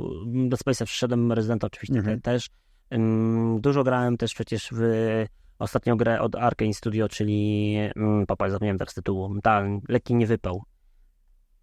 E, Redfall? Redfall, tak, chyba z 15 godzin grałem, to jest dużo jak na tą grę, według mnie. No tak. Więc no, dużo tytułów jest. Oczywiście na, na kilku się zawiodłem właśnie jak na Redfall. Jeszcze nie grałem w Dead Island 2, a muszę tą grę nadrobić w tym roku, bo e, lubię krwawe, Też słyszałem dobre, gry. dobre tak, recenzje. No właśnie. Nie, no, Jest trzeba po prostu mieć y, drugie, drugie życie, które po prostu można by oddać tylko, tak. tylko tej jednej pasji i wtedy tak, jesteś jeszcze- w stanie ogarnąć. A jeszcze, Damianie, jeszcze jest ten problem, że ja jeszcze siedzę cały czas właśnie tą jedną nogą jestem w nowoczesności i monitoruję aktualny rynek, trendy, wszystko co się dzieje, a drugą nogą bardzo silnie siedzę w retro, gdzie, wiesz, nie, nie dość, że mm, poznaję albo na nowo gry, które kiedyś grałem, albo generalnie poznaję te gry, bo właśnie taki Philips CDI i na przykład Zelda na Philips CDI jest, to jest to jest, do, to jest doświadczenie, Mhm. które trzeba po prostu samemu poznać, żeby móc się wypowiedzieć. To jest bardzo toporne i bardzo zła gra, ale wiesz, pewien też taki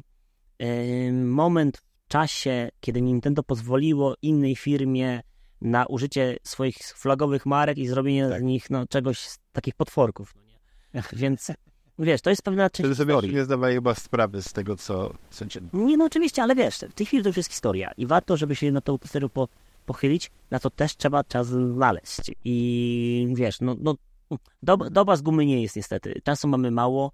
Zresztą już nagrywamy, y, pewnie ja sobie tak zerknę z ciekawości. Dwie godzinki, tak. No. Będziemy tutaj, e, jak to się mówi, już ku końcowi się zbierać, ale bardzo sympatycznie się rozmawia, ale jutro trzeba do pracy wstać, No jutro też jest dzień, a jeszcze też e, Rano ogar- cały czas... e, ogarnąć wszystko muszę i jeszcze później na dziesiątą już jestem mówiony na... Jutro nas czeka mm, kampania przewożenia telewizorów. Hmm. To znaczy, że tutaj koło setki takich telewizorów kineskopowych musimy, telewizory, monitory musimy spakować do dwóch, trzech busów i razem z ekipą wolontariuszy przewieźć bezpiecznie, później wnieść na pierwsze piętro, to jest najgorszą możliwością, jaka jest, i je mniej więcej porozkładać tak, jak powinny być. Mamy za mną w kartonie są dwa monitory, a propos Atari właśnie, dwa, dwa monitory do Atari ST. Aha. Jeden będzie użyty. O, to jeszcze ci opowiem a propos Atari. Miałem niestety, yy, niestety, bo nie znałem się na Atari ST, więc musiałem się poznać na tym, że to nie jest tak łatwo jak w Amidze. Tu jest troszeczkę bardziej skomplikowany sprzęt. Mamy w, mamy w kolekcji dwa komputery Atari ST. Mamy Atari ST 1040 STE, tak, Aha. a drugie mamy Mega ST, czyli taką stację roboczą. Taki odpowiednik, nie wiem, Ami- Amigi 3000 czy 4000 w świecie Amigi. I, Tak, tak. I wyobraź sobie, że do obu tych y, komputerów mamy monitory high-resowe o podwyższej rozdzielczości, ale mono, mono monitory, czyli czarno-białe. I problem jest taki, że ja nie wiedziałem tego, że żeby odpalić gry, czyli na przykład takie Jana Sisters na przykład, nie mogę Mieć kolorowe monitory. no, no, nie wiedziałem tego. No i musiałem, Aha. właśnie, kolorowy monitor. No i wyobraź sobie, że tak, do Amigi 10, do Atari 1040 ST najpierw za, zamówiłem Goteka, żeby było łatwiej wgrywać te gry. E, No i odpalam Goteka na tym czarno-białym monitorze, a tu się te gry wysypują, artefakty, nic nie działa, błędy. E, Komputer wchodzi do systemu, do tego TOSa, tak, TOS to jest Atari ST. Tak, które wygląda w porównaniu do Workbencha tak strasznie topornie. Strasznie, no tak, taki, jest taki, widać, taki mocno ciosany, mocno ciosany, a jeszcze mam Nie obrażając oczywiście fanów Atari. Nie, nie, oczywiście, ale no jest, jest skromnym, skromnym systemem operacyjnym, bardzo skromny, ale, ale trzeba mu przyznać jedną, jedną zaletę, jest na kościach pamięci już wbudowany w komputer, więc nie trzeba go uruchamiać z jakiejś dyskietki, z czegoś po prostu. Jeżeli nie ma dyskietki w napędzie, to się odpali system, albo jak, jak gra nie może się uruchomić, czy tam program, to się pojawi system po prostu. To też jest jakaś zaleta, no nie? No, no i w końcu się skończyło na tym, że do Atari 1040 ST mamy zakupiony kabel RGB, czyli ten taki niskiej rozdzielczości, czy tej średniej kolorowy, zwykły do tego będzie wyłączony telewizor i Atari 1040 STE dokładnie, bo ono ma jeszcze blitter, czyli ten układ, który przyspiesza y, y, generowanie grafiki. Ym, mamy taką, powiedzmy, że odpowiednik Amigi, tylko w świecie Atari ST. A do Mega STE jest włożona jedna dyskietka z jedną grą i tam jest, tam jest jakiś Arkanoid w Hi-Resie. Aha. Wygląda pięknie, jest super ostry, naprawdę te, te piksele są aż takie... No może właśnie to jest jedyna okazja, żeby zobaczyć coś takiego, nie? Tak. Wszyscy widzieli tylko te gry, które w większości to były... Znaczy, na początku Atari ST oczywiście w Anglii było e, nawet popularniejsze od Amigi, nie? Później się to zmieniło, ale dlatego wiele gier ten ma te swoje wersje i, i jednak na, na Atari jest troszeczkę gorzej wyglądają niż na Amidze, a jednak zobaczyć w Hi-Resie właśnie. No niektóre. To piękne jest- są, piękne są. Ale jeszcze ci dodam jeszcze jedną ciekawostkę, bo mam dwa emulatory dysków twardych do Atari ST.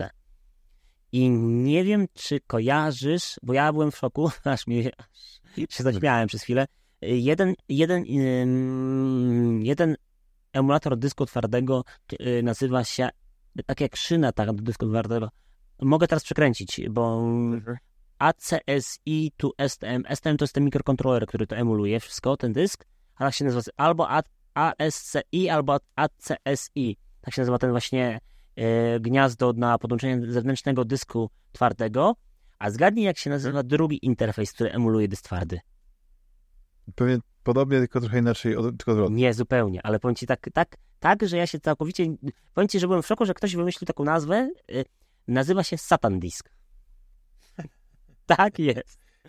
Y, Mam, Ale wtedy mieli, wiesz, e, jakby to... ale to aktualne, większą aktualne właśnie, to taki tak. interfejs sprzed kilku lat. Jak znalazłem na Atari Age y, wątek o nim, to, to są tak sprzed 10 lat, więc ktoś miał, mm, no, wykazał się, wykazał się pomysłowością nazywając go, a teraz mamy jeszcze, y, a to jeszcze jest nic, bo jeszcze jest tak, y, wyszła wersja, która ma y, dwa złącza na karty pamięci, to że nazywa się Ultra Satan. Jest jeszcze mini Ultra Satan, czyli troszkę mniejszej wersji.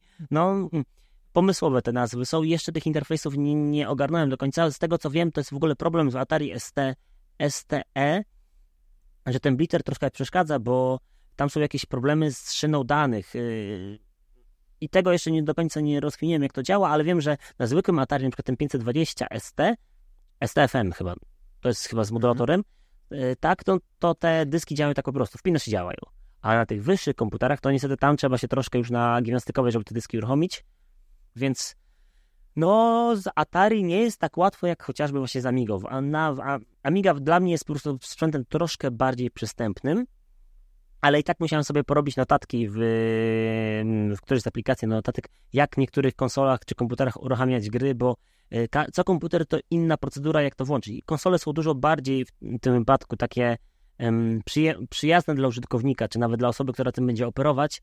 Komputery 8 i 16 bitowe bywają problematyczne. Dwa Amstrady będziemy mieli, będziemy mieli CPC 464 z takim kartridżem, nazywa się Dandanator, to śmieszna nazwa.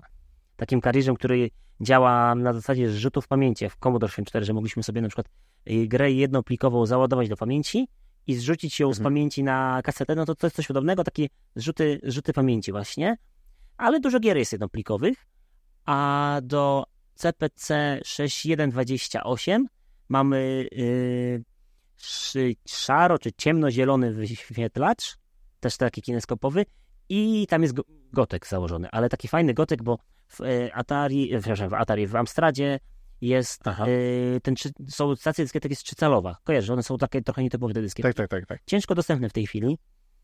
Jest w tym miejscu już y, taki dedykowany do niego gotek, nie taki właśnie, nie taki standardowy azjatycki gotek, mhm. który ma tylko wymienione promienie na flash floppy, czy tam HXC, ale jest właśnie taki zrobiony przez Zaxona właśnie taki już dedykowany, który po prostu wyciągamy stary, wpinamy nowy i wszystko działa. Bo tam jest w ogóle w tym jest, taka, tak, tak, tak. jest tak zrobione, że są w ogóle mm, zasilanie jest odwrotnie zrobione, więc jakbyśmy podłączyli zwykłego goteka, to byśmy go po prostu spalili. Więc jest trochę tych ciekawostek. E, małe Atari są ogarnięte, akurat małe Atari to jest sprzęt, który jest bardzo wdzięczny do odpalania różnych źródeł.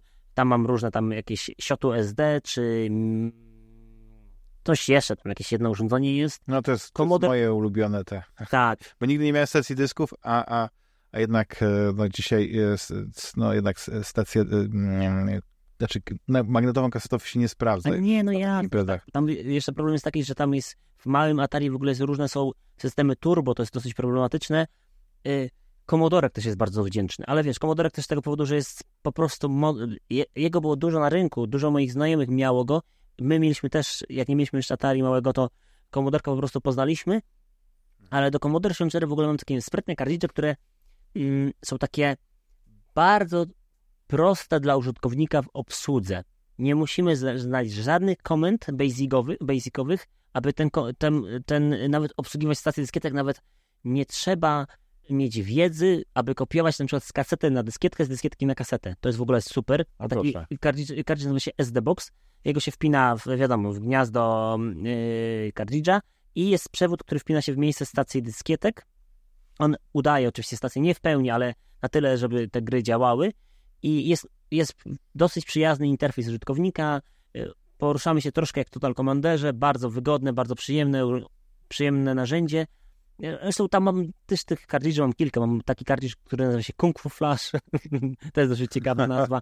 On jest takim kartridżem, który um, pozwala ładować pliki, pliki z innego jeszcze kartridża, z Easy Flasha. No, to, o tym by można było cały, cały wieczór mówić, ale jest Cały, Właśnie to jest to o tych nowinkach technicznych, wiem, wiesz, o tych, tak. tych, tych niesamowitych gadżetach, które powstają. Oczywiście, ja to jest... cały czas na bieżąco monitoruję. O, powiem Ci też, że takie ciekawostki mamy e, fajnego GameCube'a. Mam, sam go zmodyfikowałem. Mm, Raspberry Pi Pico, to już jest taki mikrokontroler, to już nie jest taki pełnoprawny komputer jak te wszystkie Raspberry Pi duże. E, Raspberry Pi Pico. mój kolega Maciek zrobił, zresztą słuchacz Grysława, e, napisał oprogramowanie, dzięki czemu ten Raspberry Pi Pico jest chipem do GameCube'a. Wiesz, to jest w ogóle niesamowite. Nie?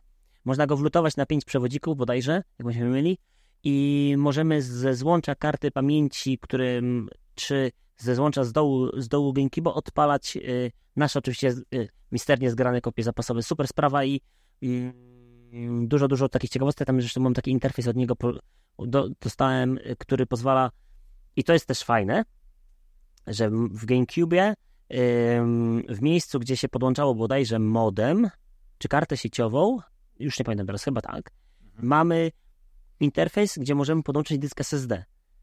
I mam na tym dysku SSD, który ma pojemność 1 terabajta, można zmieścić całą bibliotekę gier na rynek amerykański, czyli wszystkie w sumie prawie gry najważniejsze i plus tam parę gier z rynku europejskiego, które nigdzie indziej nie wyszły, więc tak naprawdę taki GameCube to już jest taki ultimatywny dosyć. Można mieć wszystko, tak, to tak, trzeba. Tak.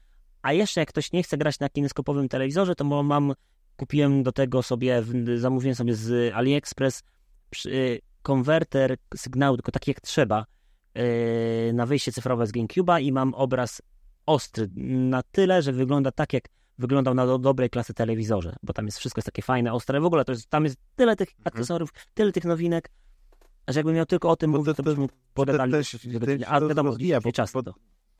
Tak, bo ta manufaktura jest teraz, e, znaczy, że nie musisz po prostu już e, od razu mieć, e, nie wiem, nie wysyłasz do fabryki i minimum musisz mieć, nie wiem, 10 tysięcy sztuk, A jakby inaczej fabryka się nie odpali. Teraz możesz właściwie i też dzięki temu, że możesz sam sobie projektować te, te, te, te płytki, jak one perforowane? Nie.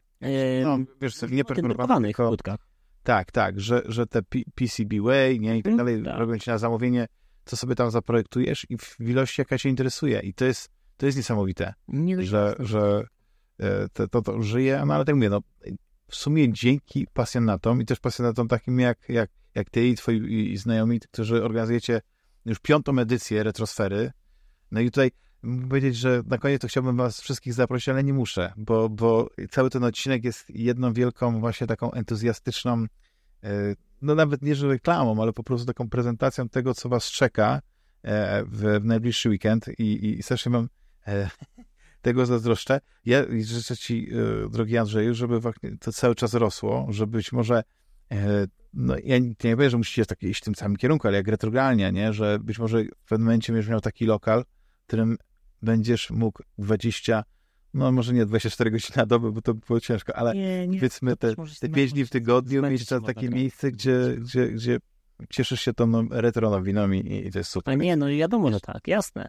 Ale powiem ci, że akurat muze do muzeum tak naprawdę bym jednak nie chciał, bo to jest to już jest, wiesz, to już jest w pewnym momencie robi się z pasji, robi się też troszkę biznes. Już nawet nie mówię o tym, żeby to było coś, coś zarobkowego, ale chodzi o to, że musisz pilnować więcej czasem rzeczy niezwiązanych z grami, a z administracją, czyli wiadomo, papiery, papiery, papiery i różne inne tego typu rzeczy. I wiesz, miłość miłością do tego, ale też czasem trzeba odpocząć od retro, pograć sobie w nowoczesne gry. Um, oczywiście one są cudowne, zarówno stare, które są czasami ciekawostkami, no ale są też inne, wiadomo. Mamy jeszcze inne dzieła kultury, które też trzeba czasem konsumować, no nie? Mhm. No tak, tak. Znaczy nie, no to może ewentualnie, w, ale to oczywiście jest daleka, daleka przyszłość. Ja nie mówię, tylko po prostu na pewno kojarzysz taki, taki kanał na, na, na, na YouTubie e, RMC The Cave. No tak, oczywiście. E, Retro Man Cave. Oczywiście. Tam po prostu w pewnym momencie, właśnie podczas e, pandemii, kiedy był taki przestój, no nie, z, e, zrodziła się taka idea, bo pojawiło się miejsce na zrobienie właśnie takiego trochę muzeum, trochę takiego miejsca, gdzie możesz przeżyć e, niemal to samo, co przeżywali młodzi ludzie, kiedy szli do sklepu na przykład, bo tam jest wiele atrakcji, oczywiście jedną część jest taka część wystawowa, gdzie możesz te, na tych samych e, starych sprzętach pograć, ale e, właśnie w Wielkiej Brytanii, już nie pamiętam gdzie dokładnie, ale to oczywiście można sprawdzić, to nie? Stworzono taki, taki odwzorowano idealnie na przykład sklep z grami, i oczywiście też y, korzystając z gadżetów i tych technologii emulacji, to jest zrobili coś takiego, że na przykład, nie wiem, możesz wziąć grę e, z, z, tej półki, nie wirtualnej, prawdziwej półki, zeskanować e, kod, nie, nie wiem, czy to jakiś barcode, nie, jakiś, jakiś no, kod kreskowy i odpalać się oraz na emulatorze ta gra, więc system. Oczywiście to jest, to jest przyszłość. Na razie skupiony jesteś na... Na retro, na tym weekendzie, tak. Że, tak, i, i, i e, jeszcze raz E, życzę sukcesu, ogromnej frekwencji i tego, żeby powiedzmy jak najwięcej tego sprzętu przyżyło, żeby wszyscy się świetnie bawili.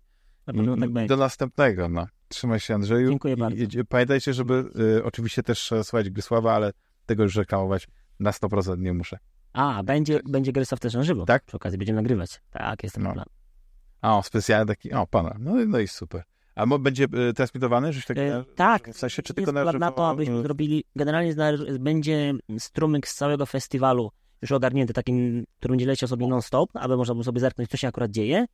Plus z tego to wiem, yy, chcemy też zrobić tak jeszcze niezależnie od te, do tego, chcemy zrobić też właśnie gry Sława albo na żywo, albo go po prostu nagramy i później poleci on sobie w tym piątkowym czasie, który jest wrzucony. I live to tape ewentualnie, tak. No właśnie, to jeszcze zobaczymy, bo to są tem, to jeszcze jest temat, który można, że tak powiem, yy, na bieżąco sobie go dopracować. No zobaczymy, po raz pierwszy robimy panele tego typu, więc zobaczymy, co z tego wyjdzie, bo, bo tego też w sumie nie wiem. To będzie nowość. To trzymam. Zobaczymy. Trzymam kciuki. Ja też. No to co? Do następnego. Cześć. Pa.